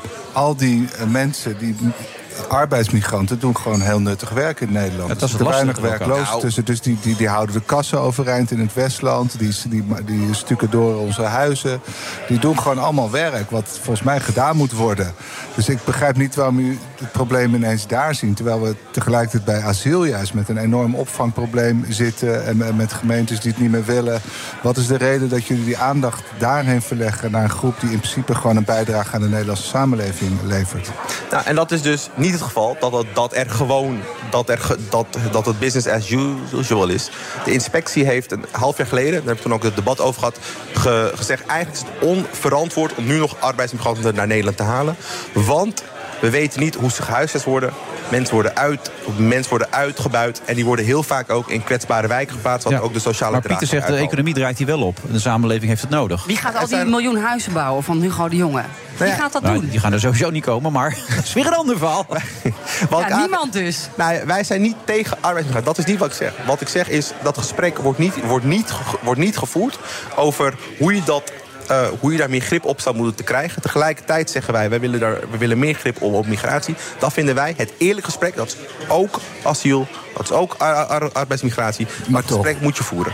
Ik begrijp het asielbeleid is eh, voor een christelijke partij als die van jullie het meest gevoelige eh, onderwerp. Hè. Dan gaat het om barmhartigheid en je wil in principe goed zorgen voor iedereen die hier aan de deur klopt. Dus ik heb toch het gevoel dat je het een beetje daaromheen probeert te komen. Gert-Jan Segers heeft ook, heeft ook gezegd in het interview in het AD dat hij het wel wil reguleren, de, de asiel, eh, het aantal asielzoekers. Dus dat je niet continu verrast wordt dat er in één keer een tijd dan weer niemand komt en dan weer ineens 50.000 per jaar. Dus hij spreekt ook duidelijk uit, we willen daar controle op. En, en, en eh, we willen daar in Europa afspraken over maken. Maar daar zie ik toch wel ook een kentering binnen de ChristenUnie. is Dat jullie zeggen, we moeten het bespreekbaar maken. We moeten het niet meer als een soort, eh, eh, ja, een soort ons af laten komen. Nee, kijk, en daar is soms ook een korte termijn, merk ik binnen de Tweede Kamer. Als je naar het, verkies, als je naar, sorry, als je naar het coalitieakkoord van 2017 kijkt, daar staat de ChristenUnie ook, ook in, daar staat erin, binnen Europa moeten wij tot een nieuw asielplan, dat heet GEAS, eh, technisch woord, maar er is, een nieuw, er is een asielplan, dat zorgt voor een eerlijke ver- verdeling. Dat moet, dat moet er komen. Dat was in 2017. In 2021, in, het- coalitieakkoord van Rutte 4 staat, wij gaan in, Europa, in Europa gaan we voor een fundamenteel nieuw asielsysteem. Dat, staat in het coalitieakkoord. Dat is niets nieuws. Wat de ChristenUnie al een tijd zegt, ook op asiel... moet je een fundamentele herziening voeren. Alleen die moet je wel in Europa voeren. Ja, maar wat, wat jou- wat jouw coalitiegenoten nu doen, die zeggen grenscontroles. Hè, want Europa levert niet, dus nu krijg je dat elk land voor zichzelf kiest en zegt... Hè, dat zie je in, in Scandinavië ook gebeuren. Zweden en Denemarken worden heel streng. Eh, dus er komt een soort race to the bottom. Hè. Elk En land daar gaat zeggen we dus, worden. dat, dat moet je juist niet doen. Eén, dat kan niet. Twee, je creëert meer pro- problemen op het Europees vasteland. De weg voorwaarts is Europa, is met elkaar. Dus op asiel moet niet. dat herzien. En wij zeggen, Rutte heeft te weinig gedaan de afgelopen maanden. Hoekstra ook, Van de Burg ook. Die moeten met z'n drieën, met de vuist op tafel staan op asiel. Maar ook op Maar dus die grenscontroles waar VVD en CDA voor pleiten, daar gaan jullie nooit mee akkoord.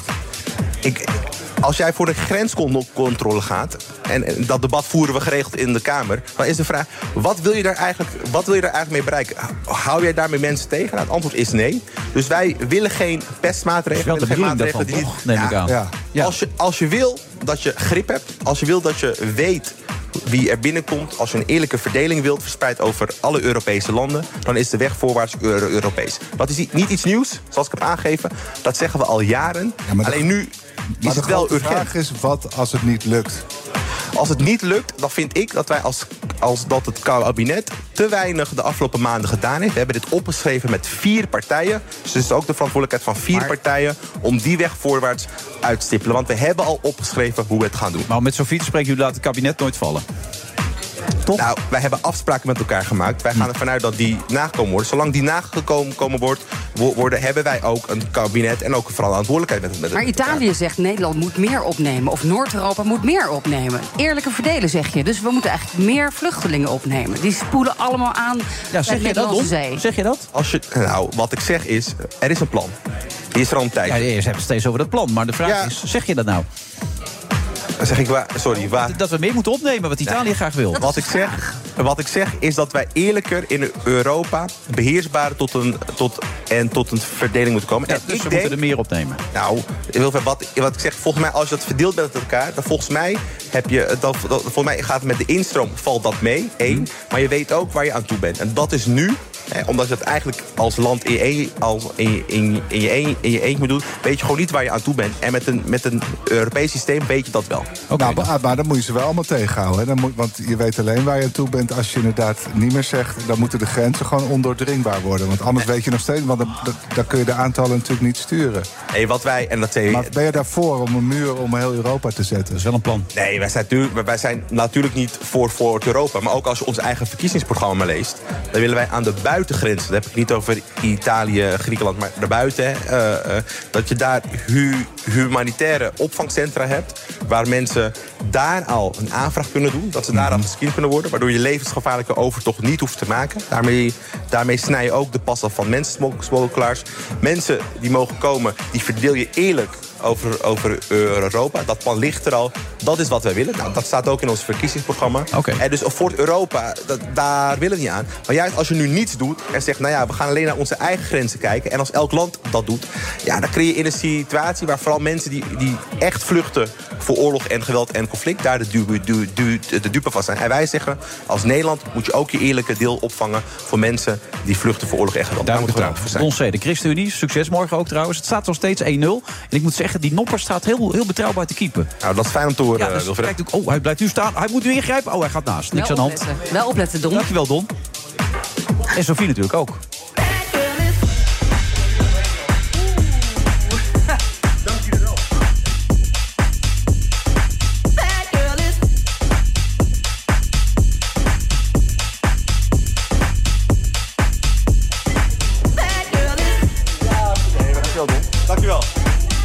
Ben natuurlijk geen deskundige, maar ik moet wel zeggen dat het Ecuador... dat doet het uitstekend in deze wedstrijd. En het is dat we voorstaan met 1-0 al heel vroeg in de wedstrijd... gemaakt door eh, Cody Garpo. Maar verder hebben we toch best wel, best wel lastig. Eigenlijk staan wij grotendeels onder druk en we komen er ook niet echt uit. En dat zeg ik tegen de mensen die waarschijnlijk niet zo heel veel met voetbal hebben... maar toch even bijgepraat willen worden, vlug en snel. En ondertussen kan ook eh, regisseur en Emmy Award winnaar... Elisabeth, of Elisabeth Hezemans aanschuiven. Dat heeft ze inmiddels gedaan. Daar gaat ze zo meteen haar koptelefoon eh, opzetten. Heb jij wel eens prijzen gewonnen, Pieter, eigenlijk? Nee. Heb je nog helemaal geen prijzen gewonnen? Nee, volgens mij niet. Nog niet hoofdredacteur van het jaar. Oh, coleren! Hij zit erin. 1-1. Ah, nee. Oh, nee toch zeg. Ja, sorry, ik eh, liet me even gaan. Oh, daar kon, daar kon, daar kon Andries ook niks aan doen, hè? Nee, die kan er nooit wat aan doen. Nee. De bal wordt eh, vanaf rand 16 meter ingeschoten. Van Speets. En wordt hij nu afgekeurd? Hij zou wel eens afgekeurd kunnen worden. Nou, dat zou wel een meevalletje hebben zo op slag van rust.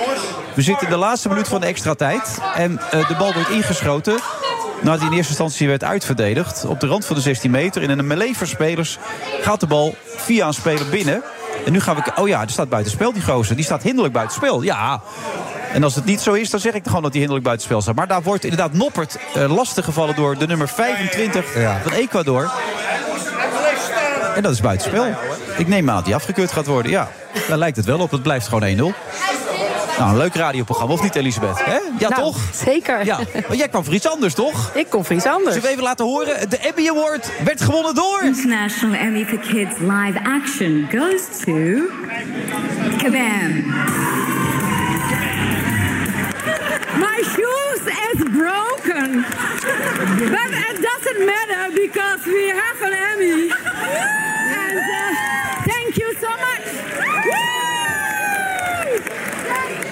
Elisabeth, was jij? Dat was ik, ja.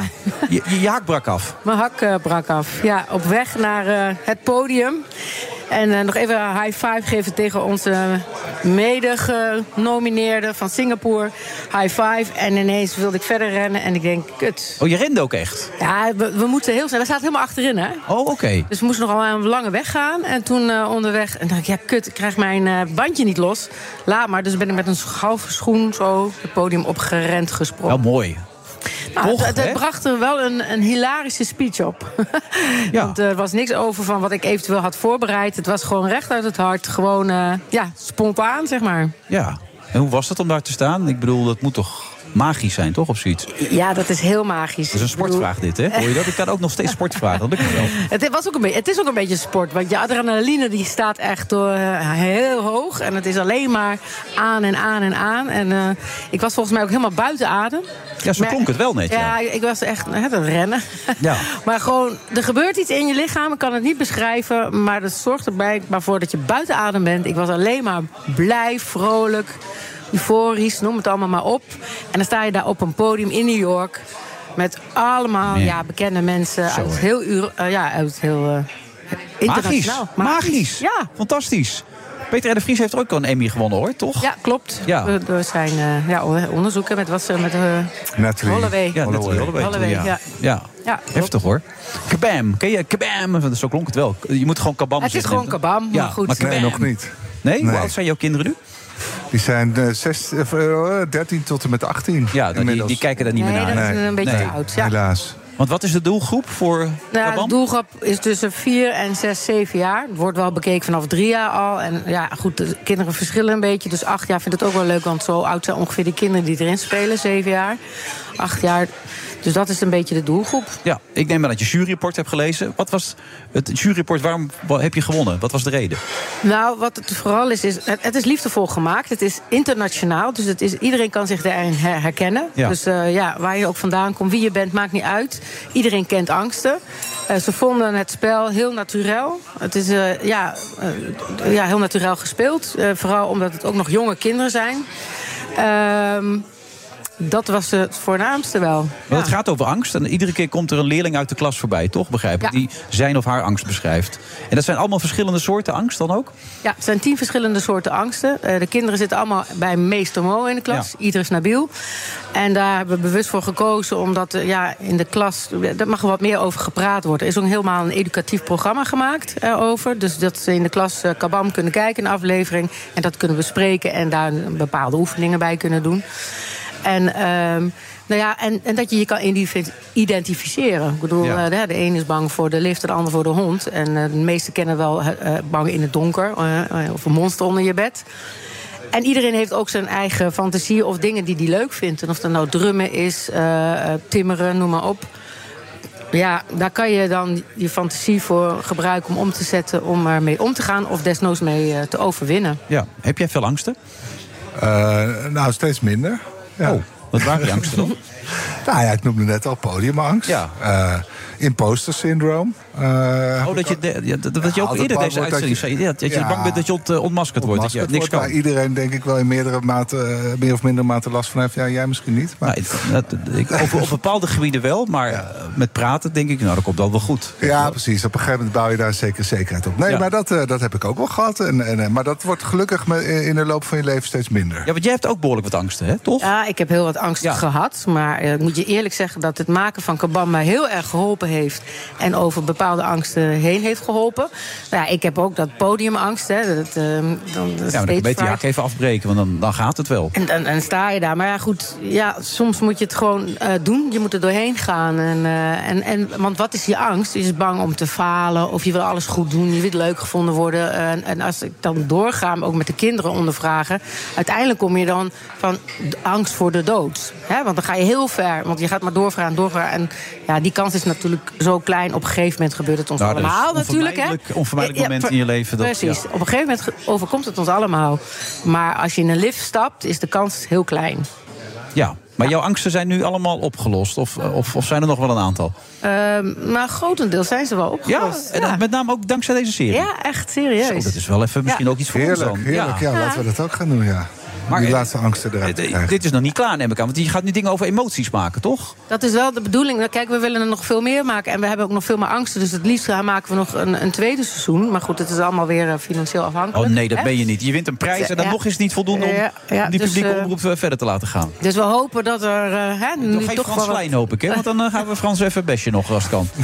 Nee, ik weet het niet. Wie gaat daarover, over dat geld? Ja, weet je, daar heb ik een leuke produ- voor- producer voor. Jij weet Ik, het wel, eh, jij weet het wel, Ik bemoei me daar lekker niet mee. Nee? nee? ik wil liever gewoon lekker aan het kunstzinnige, creatieve vak. eh, die kant eh mij blijven bemoeien. Niemand durft iets onaardigs over Frans Klein te zeggen. Het is toch wat zeg. Ja, ik ken die helemaal niet, hè, dus dat scheelt Pol weer. Pot van het Mediapark, ik, toch? ik heb er Ja, nog... toch? eh, Ja, ja, er zijn maar een paar mensen. dus ik kan er lekker niks over vertellen. Ik heb niks Ja, maar er zijn ondervonden. heel veel mensen van hem afhankelijk. En dat is niet goed. Dat Ja. is zeker niet goed. Bij een publieke omroep. Ik werd ooit één keer bij hem naar binnen gedeeld door Shula Rijksman. Die zei, jullie moeten met elkaar gaan praten. Want jullie kunnen veel voor elkaar betekenen. We hebben elkaar een kwartier zitten aankijken. En toen zei hij, wat kun je van betekenen? Ik zei, ik zou ook niet weten. Nee, ik eigenlijk ook niet. Dat zijn we weer naar buiten gelopen. Oké, ja, dat was een maar- heel goed gesprek was dat. Ja, dat zijn van die leuke dingen. Nou, het is altijd in ieder geval belangrijk dat je van, eigenlijk van niemand afhankelijk bent, toch? Dat Ja. is denk ik wel maar kan dat in ons vak? Ehm, nou, nee, je hebt natuurlijk anderen nodig. En dat, eh, en dan moet je, en dat is ook met mijn eh, werk. Je moet een goede cameraman hebben. Je moet Ja. eh, goede mensen om je heen Klopt het dat dit jouw debuut als regisseur was? Dit was mijn debuut, ja. Nou, ja, zeg. En dan gelijk een prijs pakken. Ja, en je hak laten afbreken. En Dat wat is- voor prijs, hè? Ja, een Emmy. jongen, jongen, hoger kun je bijna niet, hè? Nee. Nee, je kunt ook stoppen nu. Ja, dat kan. Op je hoogste Dus, eh, punt. Maar dat ga ik niet doen. Nee. Nou, dan zit je binnenkort weer. Waarschijnlijk weer met een prijs dan. Zou leuk zijn. Oké, nou, zet hem op dan, zou ik willen zeggen. Elisabeth, bedankt. Ja, en tot de volgende bedankt. keer. Oké. Waarom heb je nog nooit een prijs gewonnen eigenlijk? Ik heb ooit de, met het oog op morgen bokaal gewonnen. Dat is een fietswedstrijd. Oh, oké. Heb je dan nog één prijs? Ja. Heel goed. Tot zo. Een berichtje van Odido Business. Hoe groot je bedrijf ook is of wordt, bij Odido Business zijn we er voor je. Met unlimited data en bellen en met supersnel en stabiel zakelijk internet. Ook via glasvezel. Ontdek wat er allemaal kan op odido.nl/slash business. Het kan ook zo.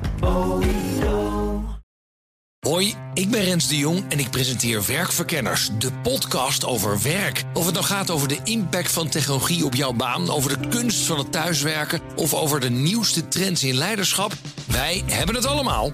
Luister iedere dinsdag om 3 uur naar BNR of wanneer maar wil op je favoriete podcastplatform. Werkverkenners wordt mede mogelijk gemaakt door Prescan. Prescan. Ga voor je gezondheid. The Friday Move wordt mede mogelijk gemaakt door TUI. Live happy. BNR Nieuwsradio. The Friday Move. En dan wordt er nog gevoetbald door het Nederlands elftal. Ja, we willen eigenlijk af van Black Friday. En we weten nu dus dat dat een, ja, eigenlijk een nederlaag voor Trump is. Ehm, en dit heeft alles met inflatie te maken. Wilfred. Met de beste misdaadverslaggever. Oh nee. Nou ja, een van de beste misdaadverslaggevers in Nederland. Kees van de Spek. Ja. Yo, wat een eer. En ook zo'n zo Joep is erbij. En, en eh, onze hoofdredacteur is er ook nog steeds bij. hè, Pieter Klok. Ja, hartstikke goed natuurlijk allemaal. Ja. ja, ik aarzelde even, omdat vorige week zat hier John van de Heuvel. Dat is een beetje mijn vriend ook. Dus ja, dan is het lastig om te zeggen dat jij dan de beste bent. Maar wie is de beste eigenlijk? Eh, misdaad, John. Ik ben betere verhalenverteller, denk ik. Ja? Dat eh, denk ik.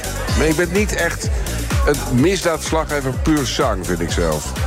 Je bent een verhalende... Ik, ik ben meer een verhalenverteller. Ik laat het verhaal achter een oplichting zien, bijvoorbeeld. Eh, Ik eindig bij een deurbel ergens ver weg. En dat doet John niet. Die eindigt niet bij een deurbel. Nou, John zit meer in de, in de georganiseerde misdaad. En, eh, heb je minder deurbellen vaak ook. Nee. Daar kom je veel minder aan toe natuurlijk aan die deurbel. Nee, maar kijk, ik doe vooral internetoplichting. En dan Ja. weet nooit iemand wie erachter zit. En wij Nee. wel. En dan eindig ik bij de deurbel, daar komt hij, van die boef. Oh, oké, ergens in dat is toch anders, ja. En ik laat het verhaal zien van de slachtoffer, wat dat doet met iemand. En het verhaal daarachter laat ik zien wat eigenlijk de oplichting is. Hoe die in elkaar zit en wie de dader is. Oké, ja, dat is John toch niet helemaal als je het zo Nee, nee, nee, nee, daar heb je wel nee. gelijk in. En ik ben ook niet bijster geïnteresseerd in georganiseerde misdaad. Als ik heel eerlijk ben. Omdat het ook iets veiliger is, neem ik aan. dat je Nee, gewoon nog nee, lekker hier nee. kan zitten met je zoon. Dat je vanavond naar de Cure kan, dat soort dingen allemaal, toch? Lekker, hè? Ja. Lekker. En dat kan John niet meer, bijvoorbeeld, dat soort dingen. Nee, nou, dat, dat is verschrikkelijk. Ja. Ja, maar dat is, het is een kwestie van interesse.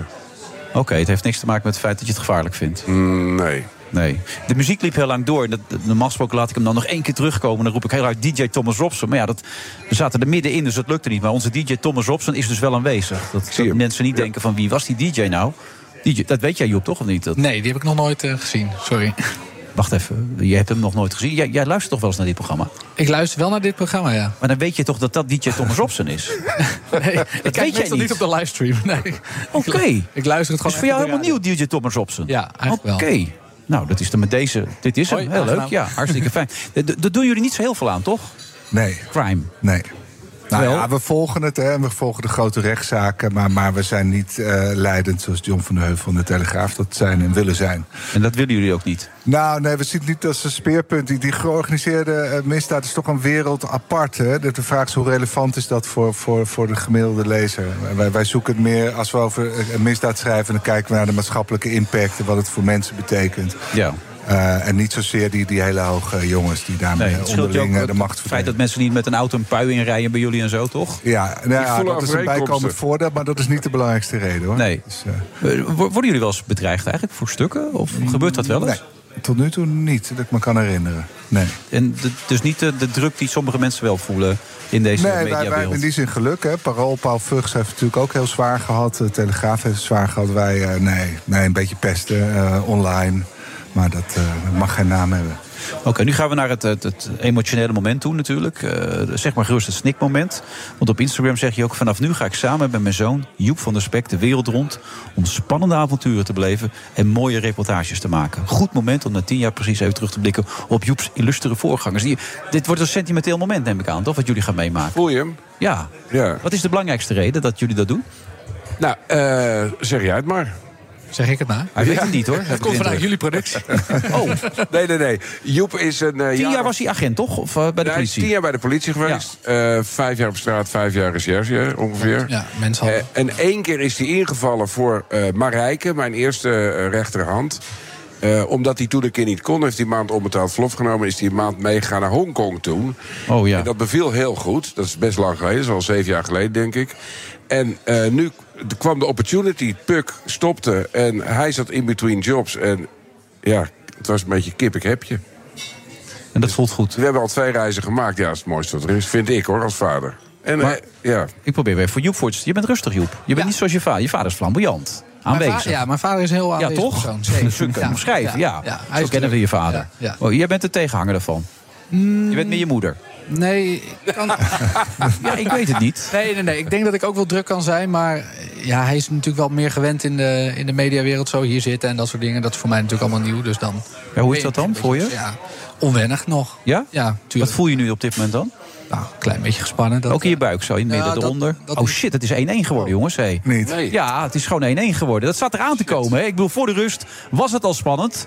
Ja, ik zit met allemaal mensen die op de radio die zitten te luisteren... die willen dit helemaal niet weten. Maar een Noppet is boos. Ja, hij is heel boos. Kijk, steek zijn hand ook een paar keer omhoog. Oh, die mannen van Ecuador gaan ons lief weer even bedanken met z'n allen. We zijn nu knielend op het eh, gras neergedald. zou het opperwezen partijdig zijn, denk je, of niet? Nou, dat denken ze wel allemaal. Maar dat is bij elk land eigenlijk anders natuurlijk. Ja, ja, ja. Maar goed, we staan op 1-1. Maar je vindt het spannend. Onderbuikgevoel, een beetje Ja, nee, kriebels. dat, dat valt mee, maar ja, het is natuurlijk wel allemaal nieuw. Ja. Hij doet het veel beter dan ik toen ik begon, hoor. Ik was, Ja, was jij zo ja, slecht? ik dacht altijd Jij dat deed ik- niet. Jij durfde Nee, niet. ik durfde niet. Je durfde niet. Toen wij de Emmy Award wonnen, en dat was toen... Waar we het net over hadden, ook met Peter toen. Ja, toen, Ja. in, in New York, Ja. durfde ik het podium niet op, hoor. Maar je hoeft niks die te zeggen, me toch? meetrekken. Ja, dat- joh, ik denk zo, dan ga ik gekke dingen roepen. Vond ik heel eng. Dat jij voor het eerst in een live-uitzending moest, moest ik ook eh, met je mee. Ja, moest hij mijn handje vasthouden. Ja. Maar hoe lang is dat geleden dan? Ehm, 2008. Dus dat vond ik, ja, ik vond het gewoon heel eng. Je zit ondertussen te kijken. Ja, ik zit even naar het doelpunt. Het is echt een weergelas goede redding nog van Ja. Noppert. En dan komt hij precies voor de voeten van die inlopende Ecuadoriaan. Ja, En nu zeggen ze dat het buitenspel is. Maar dat dat denk was ik, het niet. Ja, op het moment van schieten was hij volgens mij nog achter eh, Ja. de verdediging. Nou goed, dat pakken we even mee nu allemaal. Ehm, eh, hoe lang was dat, zei je? 2013? Nee, 2008. Oh. Toen werkte ik nog bij Peter en dat was een beetje op de achtergrond. Ja. Ik deed toen de regie daar en ik was helemaal niet zo... eh, ik heb toen ook nog eens een boekje geschreven waarin Peter het voorwoord schreef. Dus daar zei hij in... We kunnen misschien nog veel van Kees verwachten... maar zeker niet dat hij ooit een programma gaat presenteren. Dat vindt hij veel te eng. Ja? Dat staat erin, ja. En hoe heb je die... Want eh, jij hebt er ook een beetje last van. Pieter kon eigenlijk geen podium op. En Nee, nu ja. staat hij de ene week na de andere week staat hij gewoon te speechen. Ja, Dus, ja.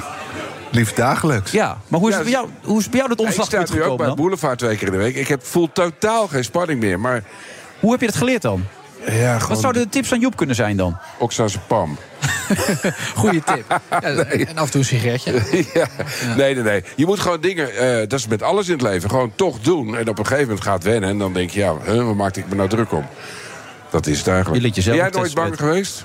Nee, eigenlijk niet. Nee, in het begin was je wel zenuwachtig, maar... Maar ook niet als je met je dronken kop staat te karaoke in... eh, Ja, dan, ja, jammer gezeik krijgt natuurlijk weer. Hè, dat Ja, mensen er allemaal dingen over gaan roepen. Maar ik, ik, ik kan aan niet zingen.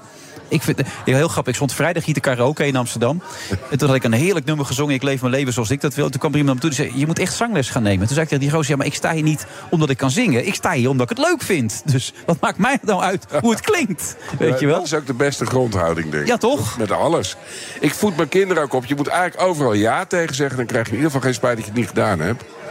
En je beleeft heb mensen die eh, sterven, worden vaak geïnterviewd. We hebben wel eens van die interviews.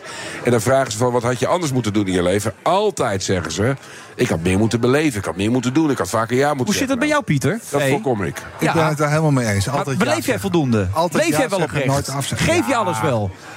Dat, dat weet ik niet. Dat was heel lang ook een obsessie in mijn leven. Dat ik de hele tijd eh, druk bezig was. Ja, leef ik wel voldoende? En, en dat, dat kan je ook dwars gaan zitten. Je Ja, moet gewoon was een leven. beta-type natuurlijk. Je zat het studie, eh, TU Delft, weet je wel, serieuze man. Ja, maar je dacht wel continu van... is dit, is dit het spannendste leven denkbaar? Ja. Dat was niet zo spannend. Nee, dat bedoel was ik. verschrikkelijk saai. Ja. ja, ik zat daar helemaal verkeerd. Nee, maar nu maar leef je optimaal. Je bent aanwezig. Je staat midden in het leven. Nou ja, optimaal. Ik voel me wel heel lekker nu, ja.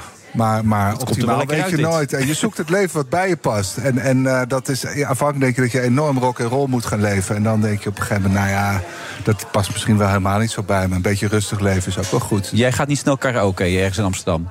In een café. Eh, nee. Nee?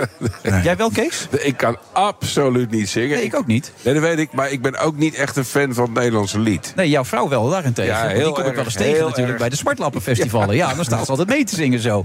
Sta ik ook mee te zingen. Ja, met een Hè? lekkere Ben jij een zanger of niet, Joep? Geen zanger, maar ik zou het wel doen. Hij is wel van het Nederlandse lied. Ja. Meer. Ja, zeker. Ja. Is dat wel doen? ja? Maar wat gaan jullie nou de komende tijd doen? Want jullie zitten hier natuurlijk lekker met z'n tweeën. Eh, nou, ik eh, kan dat. Kijk, ik kan niet te veel geheimen verklappen, want we willen mensen niet meer wijzer maken dan ze zijn. Maar we gaan eh, eh, over twee weken weer op de hort op. We zijn net in Thailand geweest. Fantastisch verhaal trouwens ook. Echt geweldig. Voor het Mag je niks over zeggen, begrijp ik. Ja, dat kan ik wel vertellen. Dat hebben we al gedaan. Dus Ja. die, die man hoeven we niet wijzer te maken dan die is. Wil je het kort horen? Heel kort, vind ik wel leuk, ja. Leuk verhaal. Eh, Maar dat weet je niet van tevoren, toch? Omdat, eh, dat, Nee, jij, van- maar jij kan het, maar, jij kan het, maar jij kan het leuk vinden. Misschien vinden wij het wel niet leuk. Dat Pieter Nee. zegt, Gaan we nu vindt het geen leuk Maar dat kan hem dus niks meer schelen, zegt hij net. dat kan geen bal schelen. Oké, vertel. Een oplichtingszaak uiteraard. Een Ja. man die negen, Ja, ja. negen jaar geleden is opgelicht voor 65.000 euro. De dader verdwijnt spoorloos van de radar. Eh, die man die is opgelicht zit daar nu enorm mee. Want die is tegen zijn pensioen. Die moet doorwerken omdat hij die 65.000 euro een groot gat voor hem. Is een, is een budget. Eh, die eh, oplichter is weg. Die blijkt nog voor miljoenen anderen te hebben opgelicht. Onvindbaar. Wij vinden hem in Thailand. Tuurlijk. Dus zo ben jij, je bent goed. Wij vinden hem in Ja. Thailand met dat slachtoffer. Gaan we daar naartoe, uitpeilen. We hebben hem via zijn telefoon gepakt. Niet illegaal trouwens, want dat doen we niet. Gewoon, het is geen hacking. Eh, we hebben hem verleid om iets op de telefoon te zetten. Dus wij zien waar hij zit, we gaan erheen. En na negen jaar staan we daarop. zien we, staan we voor wat we denken dat zijn huis is. Zien we hem op een brommetje wegrijden. Wij achter hem aan. Begint die man, een tukker hè. Mhm. Midden in Thailand, 350 kilometer van Bangkok. Zien we hem door ons achtervolgingsautootje. Stopt hij op zijn brommetje. Begint hij koeien te tellen. Hè? Huh? Koeien tellen. Hij staat koeien te tellen. In Thailand. Ja. Voor het vluchtige oplichter. Miljoenen schade. Hij staat koeien te tellen. Nou ja, en hoe leuk is het dan om dan achter hem langs zo te lopen... dat hij me niet ziet en ik trek zo die sleutel uit zijn brommer... anders gaat hij weg. En dan ziet hij opeens... De die man die andere nog geld, eh, ja, die nog. geld van hem krijgt. Ja, en zijn eerste woorden waren... Hé, hey, koetsier, hoe was je reis, jongen?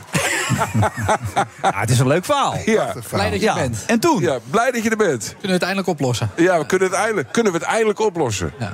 Nou ja, goed. En de rest moet je maar kijken, dat is leuk. Ja, dat kan je nog niet verder vertellen. Nee, en we zijn nog in Colombia geweest. En nou, over twee weken gaan we weer weg. Maar dat zeg ik lekker niet. Ja, maar jij produceert het. Wat is jouw rol precies in het hele verhaal? Of ga je uiteindelijk ook de plaats van je vader overnemen? Ik denk dat hij er nog lang niet mee stopt, want het is eh, zijn grote hobby ook volgens mij. Maar ik ben de redacteur van het programma. Dus ik zoek de inhoud, deze verhalen die hij nu vertelt. Die, Ja. die, eh, die, die vis ik uit eh, de tips die binnen. Hij is mijn team. Ja, we doen het Hier zit het team nu. Ja. Nou, dit is het is- hele team. Dit is het hele team. Er zijn er, nou, dus- En we huren een cameraman in. En we hebben nog productie die eh, hotels regelt en tickets. Maar dit Ja. is, inhoudelijk is dit het team. Dit is het team dat ik nu zie zitten Dit is hier. het team wat ook op reis gaat. Er is verder niemand buiten beeld. mee. Die vergaderen overal vanavond bij de Cure en eh, thuis ook. En eh, alle auto. auto veel. We hebben wel een slechte plek bij de Cure. Ja? Ja, helemaal achter. Er zit een oproep of mensen die zitten te luisteren alsnog jullie iets kunnen bezorgen? Oh, jij van de Cure? Ik hou heel erg van The Cure, ja. Goed, hè? Ja, Welke is de beste, vind jij? Van The Cure? Ja, welk nummer? Eh, poeh, ja, ik vind toch The Forest. Ja. Ja, dat is de eerste. Dat is 79 alweer. Maar Love Cats is ook een heel mooi nummer, vind ik. Ja. De Love Cats heb ik in mijn uitzending... want ik doe zelf de regie... in de uitzending van Columbia Hier zit net team, gemonteerd. net gehoord. Dus ja, die kunnen alles zelf bepalen. De Love Cats zitten erin. Ja? Als een clipje zo op de Love Cats, ja. Maar dat, je, je- verwerkt veel van je eigen gevoel erin dus eigenlijk. Ja, Er ik doe veel in. Cure en eh, ook stiekem wel eens Bach. Maar om de mensen een beetje... Te verheffen. daar is hij al, ja. Maar hoe lekker is dit nummer? Ja, dat is fantastisch, ja. Oh, daar gaan we zo meteen naartoe. Even erin komen. Het is Stedelijk Gymnasium Leeuwarden dit. Als ik discjockey. Dit soort nummers opzetten. Hele goede disco. Alternatieve... En dan moeten we net zo lang gaan lullen totdat ze gaan zingen. hè? Ja. Komt Walking niet? Heads? Bijna, nee, nog niet. Nee. 1, 2, 3. Er zitten een paar wat oudere mensen zitten ook mee te deinen nu. Ja, ik zeg heel bescheiden bij wat oudere mensen. Kort niet hoor, dat is weer ver voor kortste tijd doe ik dit. Maar, maar goed, het, het klinkt goed allemaal. Hoe is het om met je vader te werken? Ja, heel bijzonder. Ehm, we hebben sowieso altijd wel een goede band gehad. En... Nooit moeilijke tijden gekend? Nee, eigenlijk niet, hè? Dat is voor het verhaal spannender namelijk. Ja, oh ja, wel. We hebben een hele, even- hele ja. slechte relatie gehad, maar we hebben, we Ja. hebben elkaar helemaal weer gevonden. En nu, eh, Dat is mooi, hè? Ja, het ging heel slecht. Drugs, alles. ja, alles. Ja. Ja. Maar jij of Heel veel hij? drugs, allebei. Allebei. Ja? In de We goot. elkaar ook af. Ja. Maar kun je er wel kritisch naar elkaar toe zijn als je zo dicht op elkaar zit? Ja, juist wel. Want jij bent wel een beetje een eigenwijs man. En Ja. je neemt niet heel snel iets van iemand aan. Maar ik heb wel het idee dat... Als ik tegen je zeg van... joh, pap, dit kan echt niet. Of dat moet je niet zo doen. Dan, dan, dan Denkt hij wil je erover nog wel na? eens bij- Ja, dan wil je nog wel eens bij... eh, Nou, ik ben natuurlijk toch wel een beetje de boomer van ons twee. Dus als het Ja. awkward wordt, dan gaat hij me echt waarschuwen. Ja? Ja. Dat is wel fijn. Zou jij met je kinderen kunnen werken samen? Eh, nou, het, het lijkt me wel heel leuk, ja. En, en ook dat je dan gecorrigeerd wordt. Ik word nu al steeds meer Ja, gecorrigeerd. dat. Eh, maar Ja. maar daar- dat vind ik wel een rol voor die ik niet had voorzien van kinderen. Maar die is heel prettig. Dat zie je echt waarschuwen als je toch een... Ze redden je. Ja. Echt waar. Hoe oud zijn jouw kinderen? 10 en 13. Van jou zijn Nee, 13 en Oh, 18. die van mij, ja. Ik, het nu... 10 en 13, 13 en 18. 13, 18, 16. Ja. Oh, drie. ja. Bewust? Nee, die derde die was, die kwam als een eh, cadeau. Ja, dat was een verrassing. Ja. Oké. Ja. Maar Dat wel fijn drie. Ja. dat zij Nou, bij sociologie begint met drie, hè? dus de gezinssituatie is wel een stuk eh, ingewikkelder. Ik denk Ja. dat twee wat overzichtelijk is, kun je het gewoon eerlijk delen. Ja, hoeveel, Maar dat is ook hebt vier, fascinerend. toch? Ik heb vier zonen, ja. Ja. En dat gaat goed? Of zijn die anderen die echt niet echt zo echt... Nee, die de- zijn de- het verschrikkelijk klinkt heel saai, maar ze zijn echt allemaal fantastisch. en de broers hebben het ook heel leuk met elkaar. We zijn net bij de ena jongste geweest. Die had, niks een, mee. eh, Maar goed, ga door. die, die had een presentatie. Voor een interview is verschrikkelijk. Mag Ja, nee, ja, sorry. Nou, we zijn net, net bij naar de ene oudste geweest. geweest, Die, had zijn, zijn PW, hoe heet dat, PWS? ja. Profielwerkstuk. Ja? Op het gymnasium. In, die zit in zes gymnasium. Een heel ingewikkeld verhaal over de relatie tussen twee Siberische talen. Zo. Bal onderkant lat bij Nederland. Ja, bijna 2-1 voor Ecuador. Volgens mij zit hij nog net, eh Noppert dan in dit geval, met zijn hand eraan. Kijk, daar komt hij. Bal wordt Nee, hij zit er niet eens aan. Het is gewoon onderkant lat en dan gaat hij weer uit. We worden gewoon zoek gespeeld op dit moment. Ja. Wie had dat kunnen denken? Hè? Maar gelukkig We dat, worden wereldkampioen, riep Louis nog. gelukkig dat er nog iets spannends gebeurt. Want wij zijn natuurlijk wel boksaai met al die fijne verhalen, toch niet? Ja. Ja, dat zegt hij net. Ja. Maar er is toch wel iets wat je. eh, Nog een juicy verhaal dat jullie een keer mee hebben gemaakt. Heel spannend. Je hebt een paar jaar geleden nog een verhaal in Nigeria verteld. Nou, ja, we, we, hebben wel iets, we hebben wel echt iets spannends meegemaakt. In Colombia. Ja. Zo, daar heb je dus een, eh, een, een drug. Daar heb je cocaïne en heb je zo. Maar je daar, hebt ja. ook devil's breath. Zeg je dat wat? Nee. Dat is een poeder dat wordt door criminelen in je gezicht geblazen. Bijvoorbeeld bij een pinautomaat. En dat heet een zombie-druk. Dan ben je gewoon uitgetuned en dan geef je zo je pincode. Waar? Dat is niet normaal. En ook prostituees gebruiken dat. Die smeren dat op hun lichaam. En dan ben je opeens boem weg. En dan stelen ze je portemonnee. Dat is dus een drugs die niet wordt gebruikt voor recreatief gebruik. Maar echt om mensen te beroven. Dat is een hele illustre, hele verboden drug. Die wordt gemaakt uit een plant. Die heet de brugmansia. Overigens hier gewoon in Nederland te kopen onder de naam engelentrompet. Eh, en die groeit daar in Colombia. Er wordt dat poeder uitgewonnen en dat wordt gebruikt. Wij, het is ons gelukt om in drie dagen tijd... bij een hoofdbaas die dat spul maakt te komen. Oké. En dat was best wel... Maar dat is ook wel spannend, lijkt me dan. Ja, dat is, heel, ja, dat is echt spannend. Het is, dat is niet zo'n hele vriendelijke man waarschijnlijk die, waar je zo naar binnen loopt. Uiteindelijk kon ik tegen hem zeggen van... joh, je moet ermee stoppen. Denk aan je kinderen. En dan werd hij ook een beetje emotioneel. Kreeg nog een huk van hem. En hij is gestopt. Ja. Nee, helemaal niet. Dat zou wel leuk Het was voor hem even wedden, want hij is natuurlijk politieman. Normaal zouden ze iemand opsluiten. Ja. Ja, nu geef je hem een hand en zeg je bedankt eh, dat je het allemaal Ja, want hoe gaat dat Ja. voor jou dan? Eh, hoe- Om in deze wereld de andere kant zo mee te maken dan? Ja, dat, dat is natuurlijk wel een beetje een conflict. Want inderdaad, wat eh, mijn vader zegt... eh, eerst eh, jaag je op mensen, sluit je ze op. En nu, eh, ja, nu eh, spreek je met hem af dat hij een interview geeft... geef je hem een hand en loopt hij de deur uit en zeg je... ja, bedankt voor de moeite. En eh, ja, dat is natuurlijk eh, een hele Ja. andere invalshoek. Uiteindelijk dient het wel een beetje hetzelfde doel... maar ja, wel op een hele andere manier. Vind je het een leuke wereld, de televisiewereld? Ja, tot nu toe wel. Maar onze televisiewereld is heel klein, want wij zijn met z'n tweeën. Ja, het is een team. Het is het hele team. Het hele Het hele team gaat vanavond naar de Cure. Ja. Ja. Ze hebben hele slechte plaatsen, het hele team. Maar wie weet wel. wat het teamuitje vanavond. Ja. Maar hoe leuk is het om met je zoon elke drie weken op Ja. avontuur te gaan? Ergens naartoe. Nee, ik ben het met je eens. Dat lijkt me fantastisch. Dat is inderdaad toch... Ja, wel- joh, je zou bijna denken, waar heb je het aan verdiend? Ja, nee, Ja. dat is het allermooiste wat er is, denk ik. Dat, als, eh, ja. je, als je alleen al met, met je zoon naar een voetbalwedstrijd gaat, vind ik altijd al heel bijzonder. Precies. Dus je moet je voorstellen dat je eh, lekker... Wij lopen op Schiphol weer over drie weken Manchester. En dan gaan we lekker de lounge in. Want we zijn natuurlijk inmiddels veel reizen. Ja. Want even voor de duidelijkheid, dit wil jij de, de rest van je leven blijven doen, hè? Liefst. Toch? Ja. Liefst. Je bent best ambitieus. Jij hebt me net verteld dat je heel ambitieus bent. Waar gaat die ambitie naartoe? Wat zou je nog willen? Nou, ik wil nog wel eh, voorlopig heel lang hoofdredacteur Echt waar, ja? Dat bevalt me heel goed. Ja, en eh, ja, daar kan ik nog wel heel veel in kwijt. En misschien wil ik op een gegeven moment weer zelf gaan schrijven. eh, ja, Oké. Of, of iets heel TV? anders. Of, le- of leraar wil ik ook nog wel. Echt waar, meen je Ja, dat? vak. Gewoon op middelbare school. Nederlands en wiskunde. Ja, daar fantaseer ik eigenlijk het meest over. Gewoon lekker met jonge jongens werken of eh, meisjes. Maar waarom doe je dat niet dan? Nou ja, ik heb nu eerst dit nog even wat me heel veel plezier schenkt. En waar ik denk dat ik nuttig kan zijn. Maar Betaalt beter. het betaalt ook niet zo Ja, je kan ook wat makkelijker boos worden, want je bent de baas. Ja, maar dat doe ik dus steeds minder. Hè? Dat, ik Dat durft proberen hij uit te niet leggen. meer. Nee, we hebben, Matthijs van Nieuwkerk kapot gemaakt, Ja, dat toch? weet ik wel. Ik lees Ja. die krant, toch? Ja. Maar dat was niet de bedoeling, heeft hij net verteld. Hij wilde Nou, eigenlijk de dat organisatie... zo wilde- niet uitgelegd. Maar ik vind het wel vervelend dat het nu zo persoonlijk wordt geïnterpreteerd. En, en eh, als samenleving moeten we wel oppassen. Dat... Kijk, mensen kunnen goed en slecht tegelijk zijn. Hè? Dat vergeten we vaak. Het wordt- Je wordt, eh, het is of je wordt eh, opgehemeld of je wordt neergezabeld. Nou. Het kan allebei naast elkaar bestaan. En dat vind ik wel jammer dat dat heel snel zoek raakt. En dan is het ineens de duivel. Het is niet de duivel. Eh, hij heeft ook nog steeds hele goede dingen gedaan. En ik hoop dat we soms kunnen zien dat mensen ambigu zijn, dubbelzinnig. En eh, dat iedereen wel een slecht mens Nee, is. maar daar heb je een goed punt. Wij hebben in het klein natuurlijk dat met spoorloos gedaan. En ik ben natuurlijk, eh, die uitzending weet je misschien. Ja, die heeft toch wat stof en opwaarde. Ja, maar het was niet mijn doel om spoorloos kapot te maken. Of Nee. om Dirk Bot helemaal stuk te maken. Maar Die mensen werken gewoon de er goede trouw. gemaakt. Maar nu Ja. komt er een intern onderzoek. En de ene naar de andere mismatch komt nu boven. Ja. En dat wordt nu rechtgezet. Dus dat is gewoon prima. Maar het is niet een slecht programma of zo daarmee. Nee. Dat was ook niet je intentie, maar het is wel goed dat je het gedaan hebt. Ja, dat Want, denk ik eh, wel. Ja, nou, goed gedaan. Goed u dus. Hij veel plezier vanavond met het team, hè? Bij de Cure. Leuk dat jij er was, Pieter. Vond ik ook. En ik vrees dat we moeten constateren dat we eh, deze wedstrijd zo meteen wel gaan verliezen. Want ze blijven maar aandringen uit Houd Ecuador. moed, houd moed. Houd moed, ja? Ja, Ja, ik verwacht een ommekeer. Ja. Oké. Eh, straks gaat hij twee wissels toepassen en dan eh, zal Nou, vanavond om 10 uur kun je er naar kijken, gaan we erover praten. Voor dit moment bedankt. Mannen, veel plezier. Tot volgende week. Nieuwe aflevering van The Friday Move.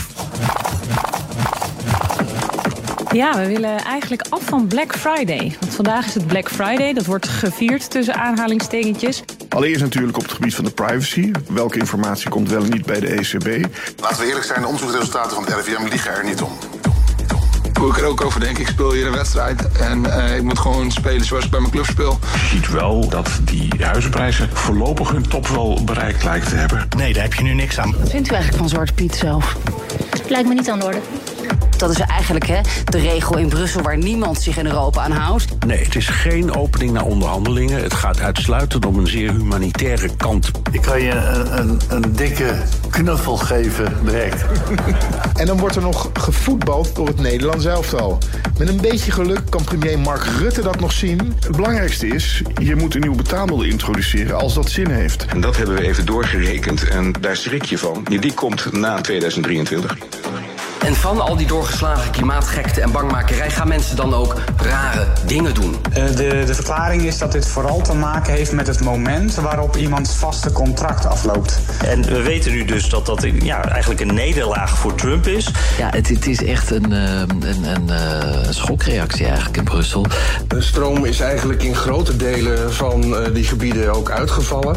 Ehm, en dit heeft alles met inflatie te maken. Dus je ziet dat de consument heeft hier een behoefte aan. Maar uiteindelijk als als er geen behoefte aan is, dan hoef je het ook niet op te dringen. Ik ben zeer benieuwd of er dan ook regelingen in staan voor boeren die eh, willen omschakelen naar natuur-inclusieve landbouw. Hoe ik er ook over denk, ik speel hier een wedstrijd en eh, ik moet gewoon spelen zoals ik bij mijn club speel. The Friday Move wordt mede mogelijk gemaakt door TUI. Live happy. Een berichtje van Odido Business. Hoe groot je bedrijf ook is of wordt, bij Odido Business zijn we er voor je. Met unlimited data en bellen en met supersnel en stabiel zakelijk internet. Ook via glasvezel. Ontdek wat er allemaal kan op odido.nl slash business. Het kan ook zo.